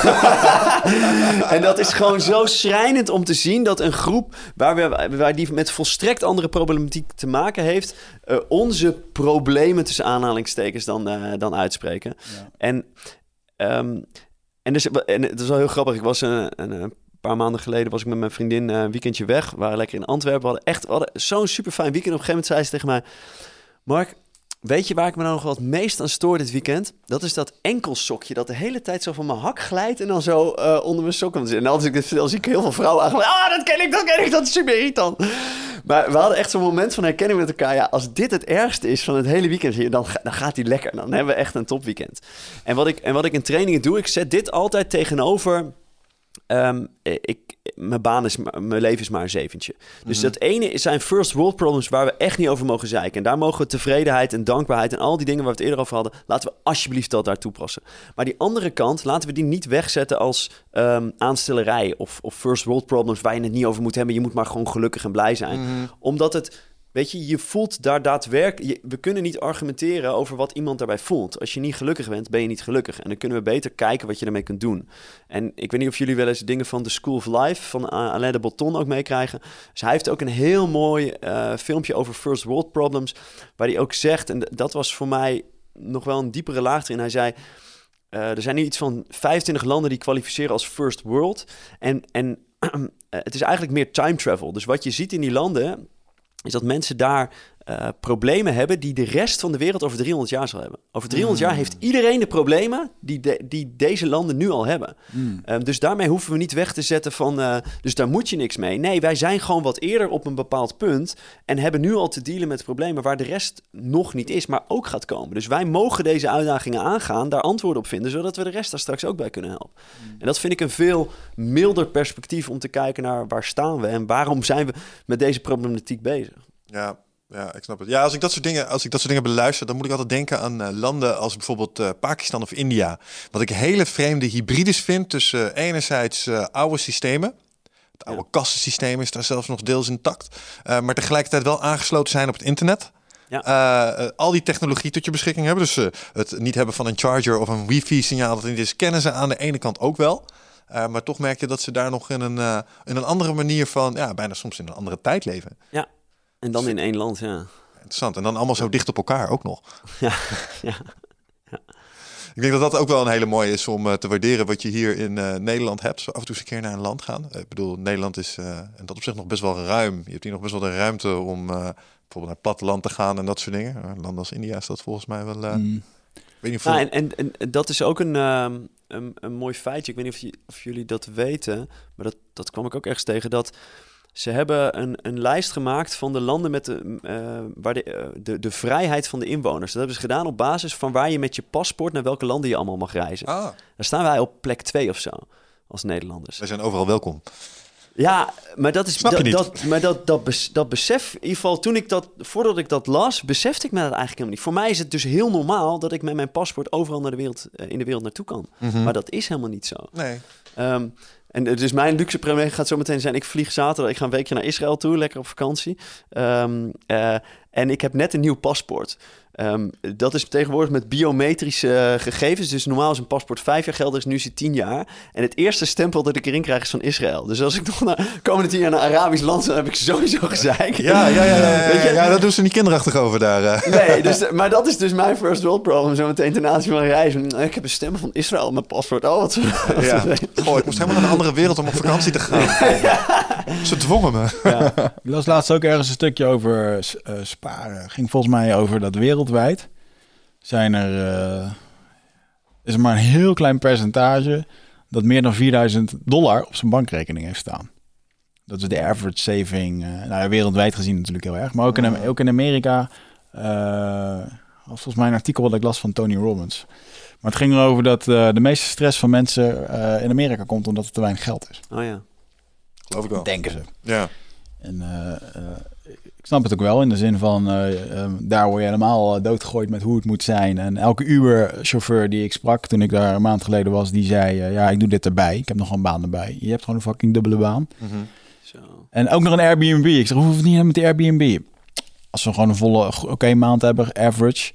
Uh, want ik was na die uh, uh, Hurricane Irma geweest. Dus hij lag te klagen dat hij nu extra uren moest draaien. Mm -hmm. Verdiende die man 2400 dollar per maand. Alleen met Airbnb. Met Airbnb alleen. Wow. En denk ik, holy fuck, dude. Um, is toch leuk? Ja, dus daar kan je er gewoon van leven? Of ja. huis is gewoon van karton? Ja, ja maar, maar niet inderdaad als je dat mooie appartement wil en die ja, vette joh, park. ja, en, en, alleen en, maar... en, een dikke auto, weet je wel. Ik dacht echt van, holy shit. Ja, dit is Ja. wel gewoon... uh, Ik denk dat dat een goede vraag is hoor. Wat wil je nog meer? Want, want die, die mannen die hebben, ja, ik moet meer, omdat ik, ik uh, ja, wat ik nu heb is nog niet genoeg. Ik denk dat dat ook voor een boel mensen. Ja, en, en dus dit zie ik ook in die Quarlife groep, dat mensen helemaal hun behoeften niet helder hebben. Dus ik zie, uh, ik heb een, uh, een vriendin van mij gehad die werkte bij een bank. En op een gegeven moment was zij zo uh, op de energieniveau aan het inboeten. Dus dat was een, nou, een drie of zo. Dat zij zei, fuck it, ik stop ermee, dit werkt niet meer. Mm -hmm. En toen kwam er een collega naar haar toe, um, een vrouw, en die zei... Um, hey, oh, wat een mazzel heb jij, dat jij gewoon je baan op kunt zeggen. Ik zou het ook wel willen hoor, ik, ben, ik heb het hier ook wel gezien. Maar ja, hè, ik heb de kinderen en... Uh, uh, dus, dus zij kwam met dat verhaal. En die vriendin van mij die is echt super boos op haar geworden toen. Die zei van ja, ik vind... echt alsof het voor mij makkelijk is. Het is voor mij ook een grote beslissing. Het is voor mij ook hartstikke zwaar om zomaar mijn baan op te zeggen. Ik heb ook een vast contract. En, hè, en het wordt voor mij ook een groot avontuur. En waarom ik zo boos ben, omdat jij elke week met een nieuwe Gucci-tas binnenkomt. En die leaseauto waar je rondrijdt, hoeft ook niet zo duur te zijn. En dan kom je mij vertellen dat, dat ik dat wel kan en jij niet. Jij kan dat ook, maar je hebt je eigen behoeften niet helder. Ga dus niet zeiken tegen mij dat je je baan niet leuk vindt. Maar, maar durf er dan tenminste ook op te handelen. Mhm. En wat zij heel mooi deed, zij spiegelde die vrouw in, in, in welke behoeften heb je nou, soft en hard, en, en, en heb je daar eigenlijk wel helderheid in? En ik denk dat heel veel, toen ik voor mezelf begon te werken, toen had ik het echt niet ruim. Ehm, en, ehm, maar wat ik merkte is dat ik, omdat ik het zo leuk vond waar ik mee bezig was, dat ik ook geen grote reis hoefde te maken. Dat ik ook niet elk weekend mezelf de vernieling in hoefde te zuipen en, en uit eten hoefde. En, Ehm, dus je kunt je leven ook anders inrichten, waardoor je je voldoening en je plezier uit andere dingen haalt en je je lifestyle kost ontzettend kunt drukken. En dat is wat ik heel erg om me heen zie, waar, waar ik mensen toe uitnodig. Ga dat nou eens onderzoeken. Dus voor mij heeft dat. Ik, ik heb wat commerciële trainingen gevolgd ehm, en een daarvan ging er heel erg over je relatie met geld. Nou, als ik Quarterlife soms iets aan ga, onderzoek je relatie met geld is. Het is echt. Het, ook dat is iets weer wat we niet geleerd hebben. Ja. En sinds ik daar, sinds ik gewoon begonnen ben met money management, beheers ik, ik weet gewoon wat er per maand uitgaat. Ik weet het exact en kan ik dus ook sturen op zorgen dat ik een potje heb en al die dingen. En, en, dat, en dat stelt je weer in staat om te gaan doen wat je echt wil. Als je Wat- weet wat erin komt en eruit gaat. Wat is jouw grootste eh, ding geweest in je relatie met geld? Weet je wat uh, Uh, ja, dat, ja uh, de zorg, uh, zeker in het zelfstandig ondernemerschap, of het er wel altijd zou zijn, Mhm. zeg maar, of je wel voldoende uh, omzet draait. Um, en ik merk dat ik, um, ik vond het nooit genoeg. Mhm. Ik heb echt wel hele dikke jaren gedraaid. Zeker toen ik nog aan het interimmen was, heel veel. Um, en dan nog steeds had ik zoiets van, ja, maar er kan meer, weet je. Dat kan ook naar de 2 ton per jaar. Kom op zeg, uh, dat uurtarief mag omhoog. En um, iets wat, wat hierbij aansluit is dat uh, enerzijds zie ik mensen wel eens worstelen met van... ja, maar uh, wat moet ik nou doen? En soms zie ik mensen die op een bepaald pad zitten... en jij bent er daar ook een van... ook wel eens de neiging hebben, ja, maar het is nooit af. Snap je? Mm. De, omdat ze, ze hebben geen cap voor zichzelf uh, oh, gedefinieerd. Ja. wanneer is het genoeg? Wanneer is het klaar dan? Ja. Wanneer zijn we klaar? En uh, ja. ik, ik heb voor mezelf een, hele een heel duidelijk lijn getekend nu. Hier is het af. Ja. Snap je? En bij, dat, bij zoveel per jaar of zo. Dat ja, je of uh, dit, dit zijn de dingen die ik op zijn minst uh, zou willen. Als ik deze ja. vinkjes kan zetten, ja. um, dan is het prima. En uh, dan, dan, dan hoeft het niet meer. Dat is wel heel gezond inderdaad. Ik denk dat mijn grootste les daarin was dat... Um, denk tot... Hoe lang hebben we dat? Ja, tot vier jaar geleden of zo had ik geld nodig om het leuk te hebben. Oh ja. Dat was voor mij om leuke dingen te doen. Ja, zeker, moet je ook geld hebben. Maar ik ben, uh, en dat is de grap die mensen niet, niet zien, want die zien natuurlijk alleen maar wat hier in de podcast gebeurt. En dan is het leuk en een persoonlijk leiderschap. Maar als ik thuis ben, dan ben ik eigenlijk gewoon een fucking kluizenaar. Gordijn dicht, ja. ja. Ze maar alleen zitten. Ik, ik hou mezelf wel bezig, man. Met niks, weet je wel. Tenminste, niks. Uh, vroeger moest ik... Kom ook een beetje door de relatie waar ik in zat, want dat fokte elkaar op. Dat we leuke dingen wilden doen en het was er belangrijk dat we aanwezig waren overal. En, uh, gezien worden. Gezien worden op de feestjes. En, en, bang zijn om dingen te missen, weet je wel. Fuck man, wat maakte ik me druk om niks. Ja. En, uh, en, bij zo'n levensstijl hoort een boel geld vaak. Ja, en dat, dat, dat trok ik ook wel aan in de baan die, we, die ik toen natuurlijk had. En, uh, ja, en wat ik laatst, ik zat laatst een hoofdstuk te schrijven in mijn boek. Uh, toen ik bij een grote multinational werkte, wilde ik graag in het internationale sales team. Want mm. dat was de elite. Want iedere week werden de zogenaamde bingo bingo e-mails rondgestuurd naar 400 man binnen het bedrijf. Over hoe goed Harry, uh, weet ik veel, booking.com had binnengehaald of dit of dat. En ah, dat was kicken, weet je. en, en, maar eigenlijk, eigenlijk heel fucking triest, want laten we wel weten, Miep van de administratie, die kreeg nooit een bingo bingo mail. Dus eigenlijk werd gewoon door het hele bedrijf gezegd, nou dit, deze gasten, die, die doen het, weet je. En toen ik op een gegeven moment die baan had en mijn salaris verdriedubbeld werd, merkte ik eigenlijk dat uh, het waar ik het allerblijste mee was, was dat ik nu bij die elite hoorde. weet je, dat ja. stempeltje, dat deed meer dan... Aanzien en status, ja, ja maar dat zit in je biologie, jongen. Daar doe je helemaal niks aan. Ja. En volgens maar, mij is het ook wel belangrijk om, om dat dan weer om dat dan weer te omarmen. Hè? Dus als je daar wat meer vanuit de, de Oosterse stuk naar kijkt, is, um, ja, daar kunnen we dan nu van alles van vinden. Maar dat, dat is ook gewoon wat er is. En je hebt, uh, ik, ik, heb ooit een film gezien waar je een, een uitspraak had die dan supposedly van, van Boeddha is. En dat is, uh, sometimes you have to own something before you can renounce it. Mm. Dus we kunnen wel met z'n allen zeggen, nee, je moet niet succes achterna rennen en doe dat niet. En dat, daar word je niet gelukkig. Nee, laat mensen maar ervaren dat, dat door Ja. dat te door in het bingo bingo sales team te zitten, dat je daar dus ook niet gelukkig wordt. Dat het even een fijne kick is, maar dat op lange termijn, dat, ja... Ah, Al vind ik eh, ehm, altijd streven naar beter. En, en eh, laatst kreeg ik die opmerking eh, dat eh, het altijd streven naar beter en, en, en groei eigenlijk betekent dat je nu niet gelukkig bent. Daar ben ik het niet mee eens. Nee, maar dat is iets anders dan meer willen verzamelen. Want het ging hier over de relatie met geld. En ik denk dat die je heel ongelukkig kan maken... omdat je een plaatje nastreeft van de ja. mensen die je op Instagram ziet... die in dikke bakkerijen, de Bugatti's, al die shit. Zeker. Maar dat want Maar eh, bijvoorbeeld alleen maar beter worden in Brazilian Jiu-Jitsu... dus eh, echt voor je vijf, vierde, vijfde kilo gaan... dat is geweldig. En dat moet je je hele leven blijven Dat doen. is persoonlijke groei, man. En, Dat denk en ik dat ook. maakt niet uit of dat je nu zit te kijken naar een groter huis. Want het huis wordt te klein en we gaan uitbreiden. En we gaan nog één keer verhuizen. En dat is dan het huis voor de komende 30 jaar. Jongen, dat is hetzelfde. eh, dat is dezelfde ongelukkigheid die je bestempelt eigenlijk. Mm. Weet je? Maar eigenlijk, je wil gewoon groeien. Nou, en en volgens mij is het allebei waar. Dus hè, Anthony Robbins zegt altijd: if you're not, if you're not growing, you're dying. Ja. Hè, dus dat gaat over blijf groeien, blijf groeien, blijf groeien. Ehm, hè, de, de meer eh, Oosterse dingen, mensen zeggen: ehm, zodra je jezelf ergens in wil verbeteren, zegt dat dus eigenlijk dat je jezelf nu niet goed genoeg vindt. En, en ik denk dat het allebei waar is. Dus ehm, als we helemaal blissvol met onszelf zouden zijn, dan weet ik niet of we heel druk bezig zouden zijn met beter worden in iets. Ik denk dat we dan heel veel, heel veel bezig zijn met anderen helpen. Dus dat het veel meer gaat over wat heeft de wereld nodig, hoe kan, hoe kan ik er voor anderen zijn. Ehm, maar het feit dat, ja, dat we nog niet helemaal, dat we onszelf nog helemaal fantastisch vinden, niet helemaal ehm blissvol met onszelf zijn. Ja, Ja. dat is ook gewoon wat het is. Ik Dus- denk dat je er bewust van moet zijn. Want ik ben, ik En ben me heel erg om, bewust. ik. Vind het fucking cool wat we hier doen. Ik ben me er ook heel erg bewust van dat ik eh, de aandacht hartstikke tof vind. Ja. Wat we hiermee genereren. En dat mensen naar kijken en dat mensen zeggen, Wigert, nou dat was helemaal kicken. Hey man, Ja. dat is ook, ja, ik vind dat leuk. Ik vind het fijn. Oh, dat tof. Ik heb je geïnspireerd. Doe er wat mee, weet je wel. En ergens is het gewoon bij mij, eh, ik deed het goed. Maar heb je het nodig? Stel, morgen is er geen eh eindbaas meer. Ben je dan nog steeds dezelfde Wigert? Of identificeer het je inmiddels ook? Ik ehm, eh, durf te zeggen, wat jij met zo'n Vipassana hebt gedaan. Ik heb ooit een keer iets anders gedaan in de jungle. eh, waarbij ik echt een moment van, van pure zelfacceptatie heb en mogen ervaren.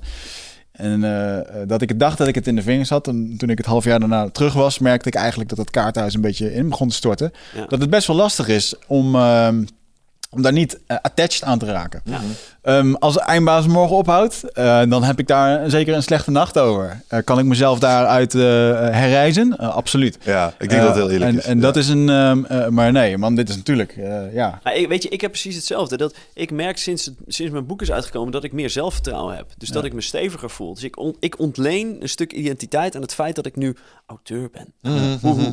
Ik sta op bol.com. Awesome. Ja, hey, maar, hey, maar laten we wel En- wezen, dat is de reden waarom je hier zit. Ja, dat is de reden waarom ik hier zit. En Ja, dat, zo is het ook ja, weer. dat is hartstikke fijn. En tegelijkertijd, het, het gaat volgens mij precies om dat wat jij zegt. Ben je in staat om dat te doorzien? En, eh, dus dus als, als morgen ineens mijn boek niet zou bestaan, ja, dan gebeurt er wat met me. Dus kunnen we volgens mij heel eerlijk over zijn. Ja, dat zou, dat zou iets met mijn zelfvertrouwen doen. Ja, dat klopt. Ehm, nou, oké, en dat is zo. En, en laten we daar dan vooral niks van vinden. Ja. Ja, dus ik, ik, ik heb er ooit voor een, bij, een- bij een trainer die, die echt trainingen voor groepen van, van duizenden mensen. Hij had 1400 man in de zaal. En daar zaten allemaal van die heel spirituele types. Ehm, en wat hij heel mooi liet inzien, dus een aantal van hen wilden niet mee in zijn commerciële concepten. En dan zei hij, ja, hoe spiritueel ben je nou helemaal? Gaat dit echt over spiritualiteit? Of, ehm, of is dit gewoon je eigen ego dat vindt dat je, dat je niet zoveel van jezelf mag vragen? Of dat, eh, dus hij liet, en, en, en op een gegeven moment stond hij weer een beetje te prediken voor die zaal. En, en dat zei hij, why I'm doing this work? It's probably my ego. En dat was, dat was de, de meest overstijgende reactie die ik eigenlijk maar kon krijgen. Hij was gewoon heel erg bewust van het feit dat hij een, eh, vrij groot ego had. En hij doorzag het en hij, ja, hij deed er gewoon nog wel wat hij deed. Ja. Toen dacht ik, oh ja, dat ziet er, zo ziet het eruit als je je van beide kanten niet door je ego laat leiden. Hij doet gewoon wat hij wil doen. En Ja. hij weet het ondertussen dat hij, dat hij zo gestuurd Ja. Maar tegelijkertijd, het is niet vies. En Dat is ook een beetje, ego heeft ook een beetje eh, het tintje gekregen van... het, Ja. is, eh, het is vies om voor jezelf eh, iets te willen en Ja. er, er iets van te vinden. Want het is ook wel heel Nederlands natuurlijk. Als je het nou over Amerikanen en Nederlands hebt... wat is het grootste verschil tussen die twee bevolkingsgroepen? Dat is Amerikanen, die vinden het heel leuk om zichzelf groots neer te zetten. En dat wordt gewaardeerd. En in Nederland, als je dat doet, dan... Hé, hey, dus normaal jongen, weet je wel. dus, ehm, Ja, wij zijn cons- Wij zijn zeikers daarin. En, en, eh, want jullie hebben allebei je, je grootste eh, gelddingetje gedeeld. Eh, en jij gebruikt nu het woord vies. En ik wil mij er nog wel. Ja, want ik denk leuk. dat veel mensen dat mogelijk herkennen. Wat mijn grootste les ten aanzien van geld was, was dat ik geld vies vind. Nog steeds? Hoe bedoel je? Vond. Maar echt bacterieel vies? Of, Ehm, ehm, nou, weet je... Ja, ja, nee, dat heb maar je ook dus- mensen. Smet ik weet niet wie dit vrees. aangeraakt heeft. vrees. Ja, maar weet je wat dus je? het boeiende is? Dat ze samenhangen. Dus ik, mijn moeder heeft me geleerd, daadwerkelijk letterlijk, om mijn handen te wassen nadat ik geld had aangeraakt. Dus het zit zo in mijn hoofd dat ik geld vies vind, dat ik... ah, Ik Stel krijg wel een heel nee, maar- bijzonder beeld van jouw moeder trouwens. Ja, het gaat wel veel over moeder, hè? Het heeft duidelijk een eh, invloed gehad op je leven. Ja. Ik heb hier nog een klein. Moeders? Nee, maar weet je, dat is, dat is waar, hè, hoe je gevormd wordt, hoe je, hoe je opgevoed wordt. En, en ehm, ehm, dus ik, ik, ik, ik las het ooit in een boek. Ik dacht, ja, dit gaat voor mij ook op. Mij, bij mij thuis is ook altijd gezegd, geld is vies. En dat gaat, dat gaat in je hoofd zitten. Of ging in mijn hoofd zitten. En ik zag ineens dat, en hij zei, als je geld vies vindt, dan zul je het altijd bij jezelf weghouden. Toen dacht ik, ja, dus ik, ik sprak wel eens iemand die zei... eh, Oeh, ik begin me nu wel zorgen te maken om mijn financiële situatie... want mijn spaarrekening dreigt onder de 10k te, te zakken. En ik dacht toen, ik heb nog nooit meer dan 10k op mijn rekening gehad. Hoe nog nooit? En toen dacht ik, ja, dat is dus wat ik met geld doe. Bij mij gaat het... Ik, ik zorg altijd dat het weg van me gaat. Ja. Dus ik zal nooit veel geld hebben als ik niet iets verander in mijn relatie met geld, waarbij ik dus nu zeg het is vies. Dus wat ik gewoon letterlijk gedaan heb, is toen ik erachter kwam, ik heb gewoon briefgeld gepakt, ik heb dat, eh, en muntjes, ik heb dat door mijn handen gehaald. You made it rain. Je hebt het in de lucht gegooid. Ik heb dagen met Duck gespeeld. En toen ben ik zonder mijn handen te wassen, ben ik gaan eten. Nou, dat was, en ik vond het ook echt wel even een ding. Van ja, maar ik heb super smerige handen nu. Dat kan toch niet? Is stiekem ook Dat- wel een beetje zo, hè? Ja, natuurlijk is het zo. Maar het was wel even die psychologische hertraining. Ik ben niet doodgegaan van het feit dat ik toen mijn handen niet had gewassen. Nee, nee, nee, dat snap ik. Nee, het was een beetje een knip met een knipoog. Ik, ik heb ooit eens een keer laten uitleggen dat alle briefgeld in Nederland, eh, als je dat echt zou testen, daar zitten hier uh, cocaïnesporen op of zo. Ja, Ja, cocaïne, zoiets. Omdat je, omdat je het eh, gebruikt om op te Ja, dus eh, zo, het, je moeder zat er niet eens zo heel ver naast. Nee, Volgens nee, mij was het gewoon gezond verstand. Het klopt ook, alleen het doet wel wat in je psychologie Nee, en in je ik. relatie met geld. En Ja. dat, ik vond dat heel interessant om daarachter te komen. En eh, ik heb meer een opvoeding genoten, zoals jij hem schreef. Eh, oh, je komt onder 10k, nou, dan moet je op gaan letten. Oh, ja. wel. ja, ja, ja, dat hebben we wel echt eh, financiële zekerheid en dat is er wel ingegooid. Vraag me af hoe jullie er naar kijken, ook als ondernemers. Hè? Want we hadden het net over basisinkomen. Ja. Ik ben bezig met beleggen. Ik ben bezig met een, eh, met een pensioen voor mezelf neerzetten op die manier. Ik ben aan het kijken naar allerlei slimme fondsen. Wigget het laatst nog een hele mooie tip. Maar soms denk ik ook wel eens... ehm, is dat eigenlijk wel nodig? Gelet op wat er aan het eh, eh, ontwikkelen is met basisinkomen. Ben ik straks niet eh, eigenlijk gewoon verzekerd van een financiële zekere oude dag, omdat die economie dat draagt. Ehm het weerhoudt me er niet van om niet te investeren. Maar ik vraag me af of jullie, hoe jullie twee daar naar kijken als ondernemers. Ben je daarmee bezig? Ben je bezig met je oude dag financieel?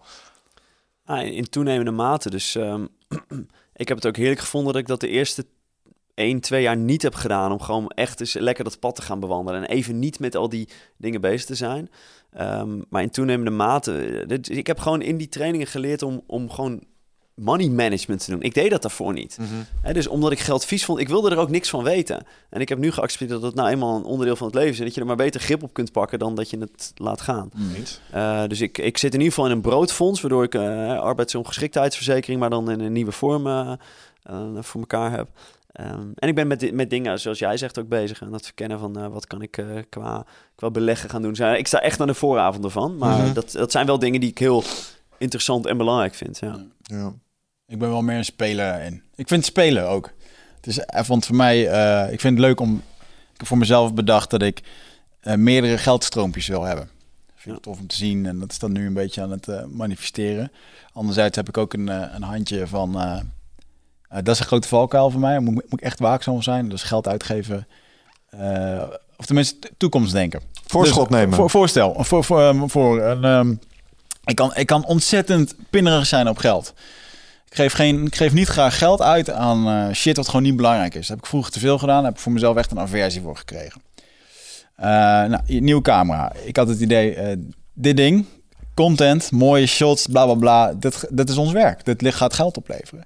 Camera en alles kost wel heel veel geld. Met al die lenzen en dingen. Het is een kleine auto ik, daar, weet je, man. Ik ga gewoon, ik ga gewoon mijn auto of mijn, uh, mijn oude lenzen ga ik verkopen. Dus die zet ik online. En denk ik, ah, deze week en dan reken voor die krijg ik 400 euro. Daar kan ik en vervolgens denk ik, weet je, ik ga dit gewoon vast kopen. En ik ga dit vast kopen. En vervolgens heeft het bij me 3,5 maand geduurd. En van, om een of andere uh, glorische redenen heb ik vandaag een lens verkocht. En komende zaterdag wordt er weer een opgehaald. Maar het heeft 3,5 maand online gestaan. En eh, dat geld, wat ik eigenlijk dus al zo naar me toe had geëigend, dat, heb ik, dat had ik nog helemaal niet. En daar baal ik weer van mezelf. Van, fuck jongen, dat heb ik gewoon weer niet goed ingeschat, niet handig gedaan. Heb ik toch weer gewoon impulsief, ga ik dat ding halen. Ja. Denk ik, fuck, ik ga het gewoon doen. Ja, ja, ja. En ik ben dan opgevoed. ehm, je, je haalt die lenspas. eh, op het moment Ja. dat die centjes binnen zijn. Ja, en daar dan denk je er nog even een keer goed over na. Ja, daar heb ik echt een ding. En waar ik echt een... gisteren had ik in één keer...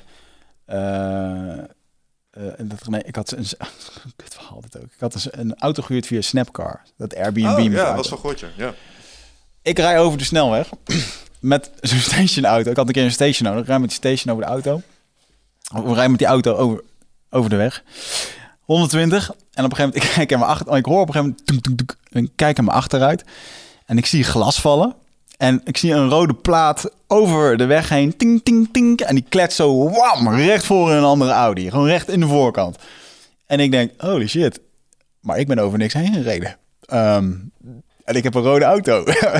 Something went wrong here. Dus ik parkeer mijn auto langs de snelweg. En die auto was gewoon doorgereden. En ik kijk, en wat blijkt nou? Aan de, aan de achterkant van die auto zat een soort plaat, ik denk van een meter, waar een soort van rem ligt of zo. Het was denk ik een soort tussenstuk tussen de, de achterklep en het dak.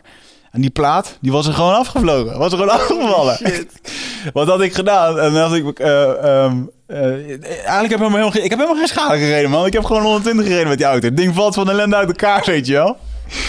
En vervolgens had ik natuurlijk weer een verzekering afgesloten. Zo van, eh, ah, eigen risico. Anders moest ik een tientje extra, weet je. Wanneer ja, gebeurt ja. dat nou? Ja, fuck, jongen. Nu dus. Gisteren werd er gewoon even op 1200 euro afgeschreven van mijn rekening.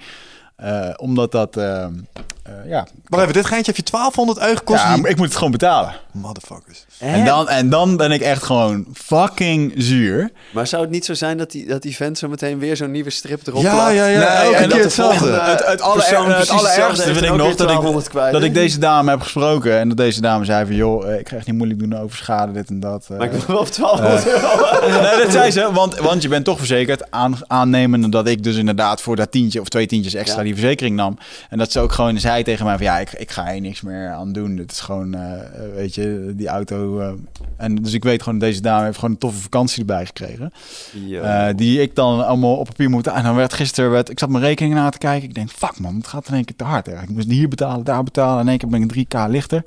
En dan, ah jongen, dan kan ik daar gewoon echt een dag ziek van zijn. maar weet ik, wat ik wel, jij accepteert dus dat het zo loopt.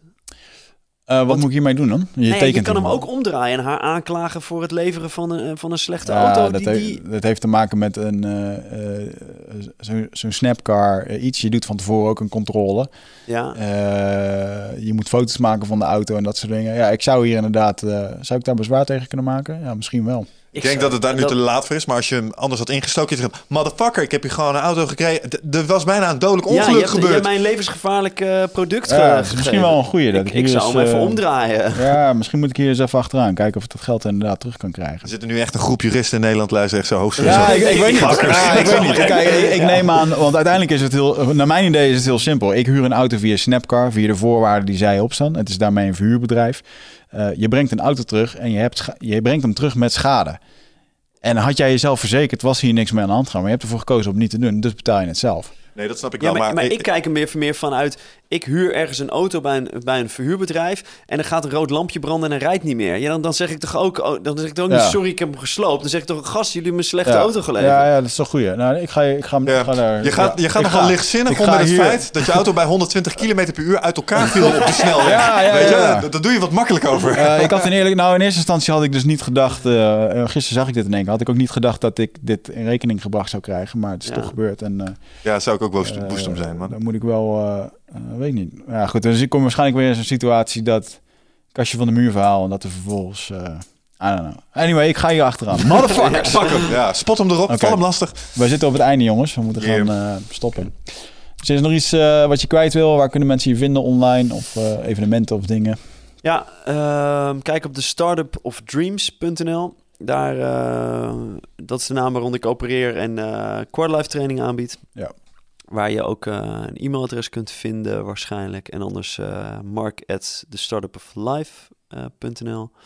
Ehm ook www.isdithetnouboek.nl, daar vind je het boek. Dus mocht je daar eh, nog even willen weten, inhoudsopgave, waar gaat het over, dat soort dingen. Dan, eh, kun je Is dit het nou.nl was al weg? Verdomme. Ja, ik heb nog met die mensen eh, eh, gemaild van, joh, ook zo irritant. Hij is weg, maar hij wordt niet gebruikt. Ja, ja, ja. Ja, maar we gaan hem nog gebruiken. Ik zeg, ja, maar wanneer dan? En, en inmiddels wordt hij nog steeds niet gebruikt, volgens mij. Ja. Dat ik denk, ja, leuk bedoeld allemaal, maar doe, weet je, als je hem dan voor jezelf houden, doe er dan ook Is het dan niet inmiddels zo dat als je eh, een merk hebt, en dat is dit het nou, is dat boek voor jou, zou als een merk Ja. kunnen worden beschouwd, dat je er dan toch alsnog een soort eh, recht achteraf op krijgt? Ja, misschien. Maar ja, ik, ja, ik weet niet. Dus dat, ik heb helemaal geen zin in die, Nee, die snap ik wel. legal shit. Maar Eh, is irritant. dat nou boek? Ja, leuk. Iedereen kijken daar. Ja. Ehm, nee, voor de rest dat ik... ehm, ik zit in januari weer drie weken op Tenerife. Ga ik boek 2 schrijven. Ehm, dus er is... Ik zie in de coaching dat er nog, nog een boel andere thema's zijn... waar die quarterlife tegenaan lopen. Een stuk zit op relaties. En een stuk zit ook wel op waar we het net over gehad hebben. Over tevredenheid, dankbaarheid, zijn met wat er is. Mooi. dus ehm, eh, dat zal eh, over meditatie en dat soort dingen gaan, denk ik. Dus dat zit allemaal in de pijplijn. En ehm, ja, en, en misschien ook wel de tip, als je dit soort dingen wil, wil doen, eh, durf er tijd voor te blokken. Dus ik, ik kan straks een tweede boek gaan schrijven, omdat ik hem vrij heb gepland. Ik ben gewoon drie weken echt helemaal weg. Hmm. Isoleer mezelf. En eh, als ik dat de eerste keer niet gedaan had, dan was er geen boek geweest. Dus Alright, nice. Mooi jongen. Dankjewel, leuk dat je er was. ja, Wigert, jullie bedankt. stel je schrijft boeken en eh, je wil enigszins geconcentreerd blijven. Hebben mensen dan nog, eh, hebben we dan nog iets voor mensen bij Nutrofit? Ze kunnen Ja, ik gebruiken zat, er net, ik zat er net aan te denken. Eh, we gaan sowieso een heel gaaf nieuw product krijgen. Epsom zout. Komt uit... Hebben we wel eens gefloat? Heb ik wel eens? Gefloat? In zo'n float tank gelegen? Nee. Oh, Helemaal, dat zou je tof eh, vinden. dat vind je helemaal tof. Dan lig je helemaal in een donkere tank, lichaamstemperatuur, eh, water. Heel veel Epsom zout erin. En dat zout het zorgt ervoor dat jij blijft drijven. Vet. Alleen niet iedereen heeft een tank in zijn ondertuin of in zijn, in zijn tuin of in zijn eh, Kelder. kelder. Ja. En er moet volgens mij 300, 300, 500 kilo zout moet erin volgens mij. Ja, ook best wel wat liters water. Ja. Dus Dus in ieder geval, maar dat zout het zorgt ervoor dat er, eh, het is een bepaald, eh, het is een natuurlijk eh, eh, mineraal wat uit een of andere put uit Engeland wordt gehaald, waar magnesium eh, en sulfaat, eh, daar bestaat het uit. Ja. Eh, en dat wordt opgenomen door je huid. Dus je huid neemt niet zo heel veel dingen op, tenminste neemt wel dingen op, maar dit is wel een ding wat echt wordt geabsorbeerd door je huid. Eh, en dat Epsomzout, dat gaan we uitbrengen in een eh, verpakking. Ja, ik ga zo meteen de labels ophalen, dus eh jammer, ik kan het nu niet laten zien. volgende keer. Maar ehm, dat gooi je dan gewoon twee kopjes in je warme bad. En dat eh, vermeng je er dan mee. En dat zorgt ervoor dat je spieren ontspannen. Want magnesium is uiteindelijk een supplement waardoor je beter slaapt. Of, en mensen snappen niet dat ze magnesium tekort komen, omdat ze vaak te weinig groente eten. Want groene groente is groen vanwege de magnesium. Mm. Dat is waardoor het groen is. Dat, is wist ik niet eens. ja, dat is een soort eh, eh, fysiologisch eh, proces eh, bij de planten. Eh, maar goed, als je te weinig groente eet, dan heb je dat dus niet. En mensen zijn dan, zeker mensen met een burn-out of die in zo'n quarter life Ja. crisis zat. Ik weet nog dat een van de, toen ik een burn-out kreeg, een van de supplementen die mij werd aangeraden was, eh, was magnesium. Om dat extra te doen. Dus eh, kijk eens eventjes bij ons op de shop voor dat. Maar Epsom zout. En eh, ja, dan kan je dat heerlijk in bad nemen. Want laten we wel wezen, ontspannen spieren is dat je beter slaapt. En ehm, eh, een betere slaap is betere energie en een betere gemoedstoestand. En betere concentratie. En kun je weer goed schrijven en is het cirkeltje rond. Ja, zeker. En daarnaast hebben we nog shitloads aan nootropics en pillen voor focus, mental clarity en gewoon being a boss. Dus tot de volgende keer jongens. Ga kijken. Later. Doei.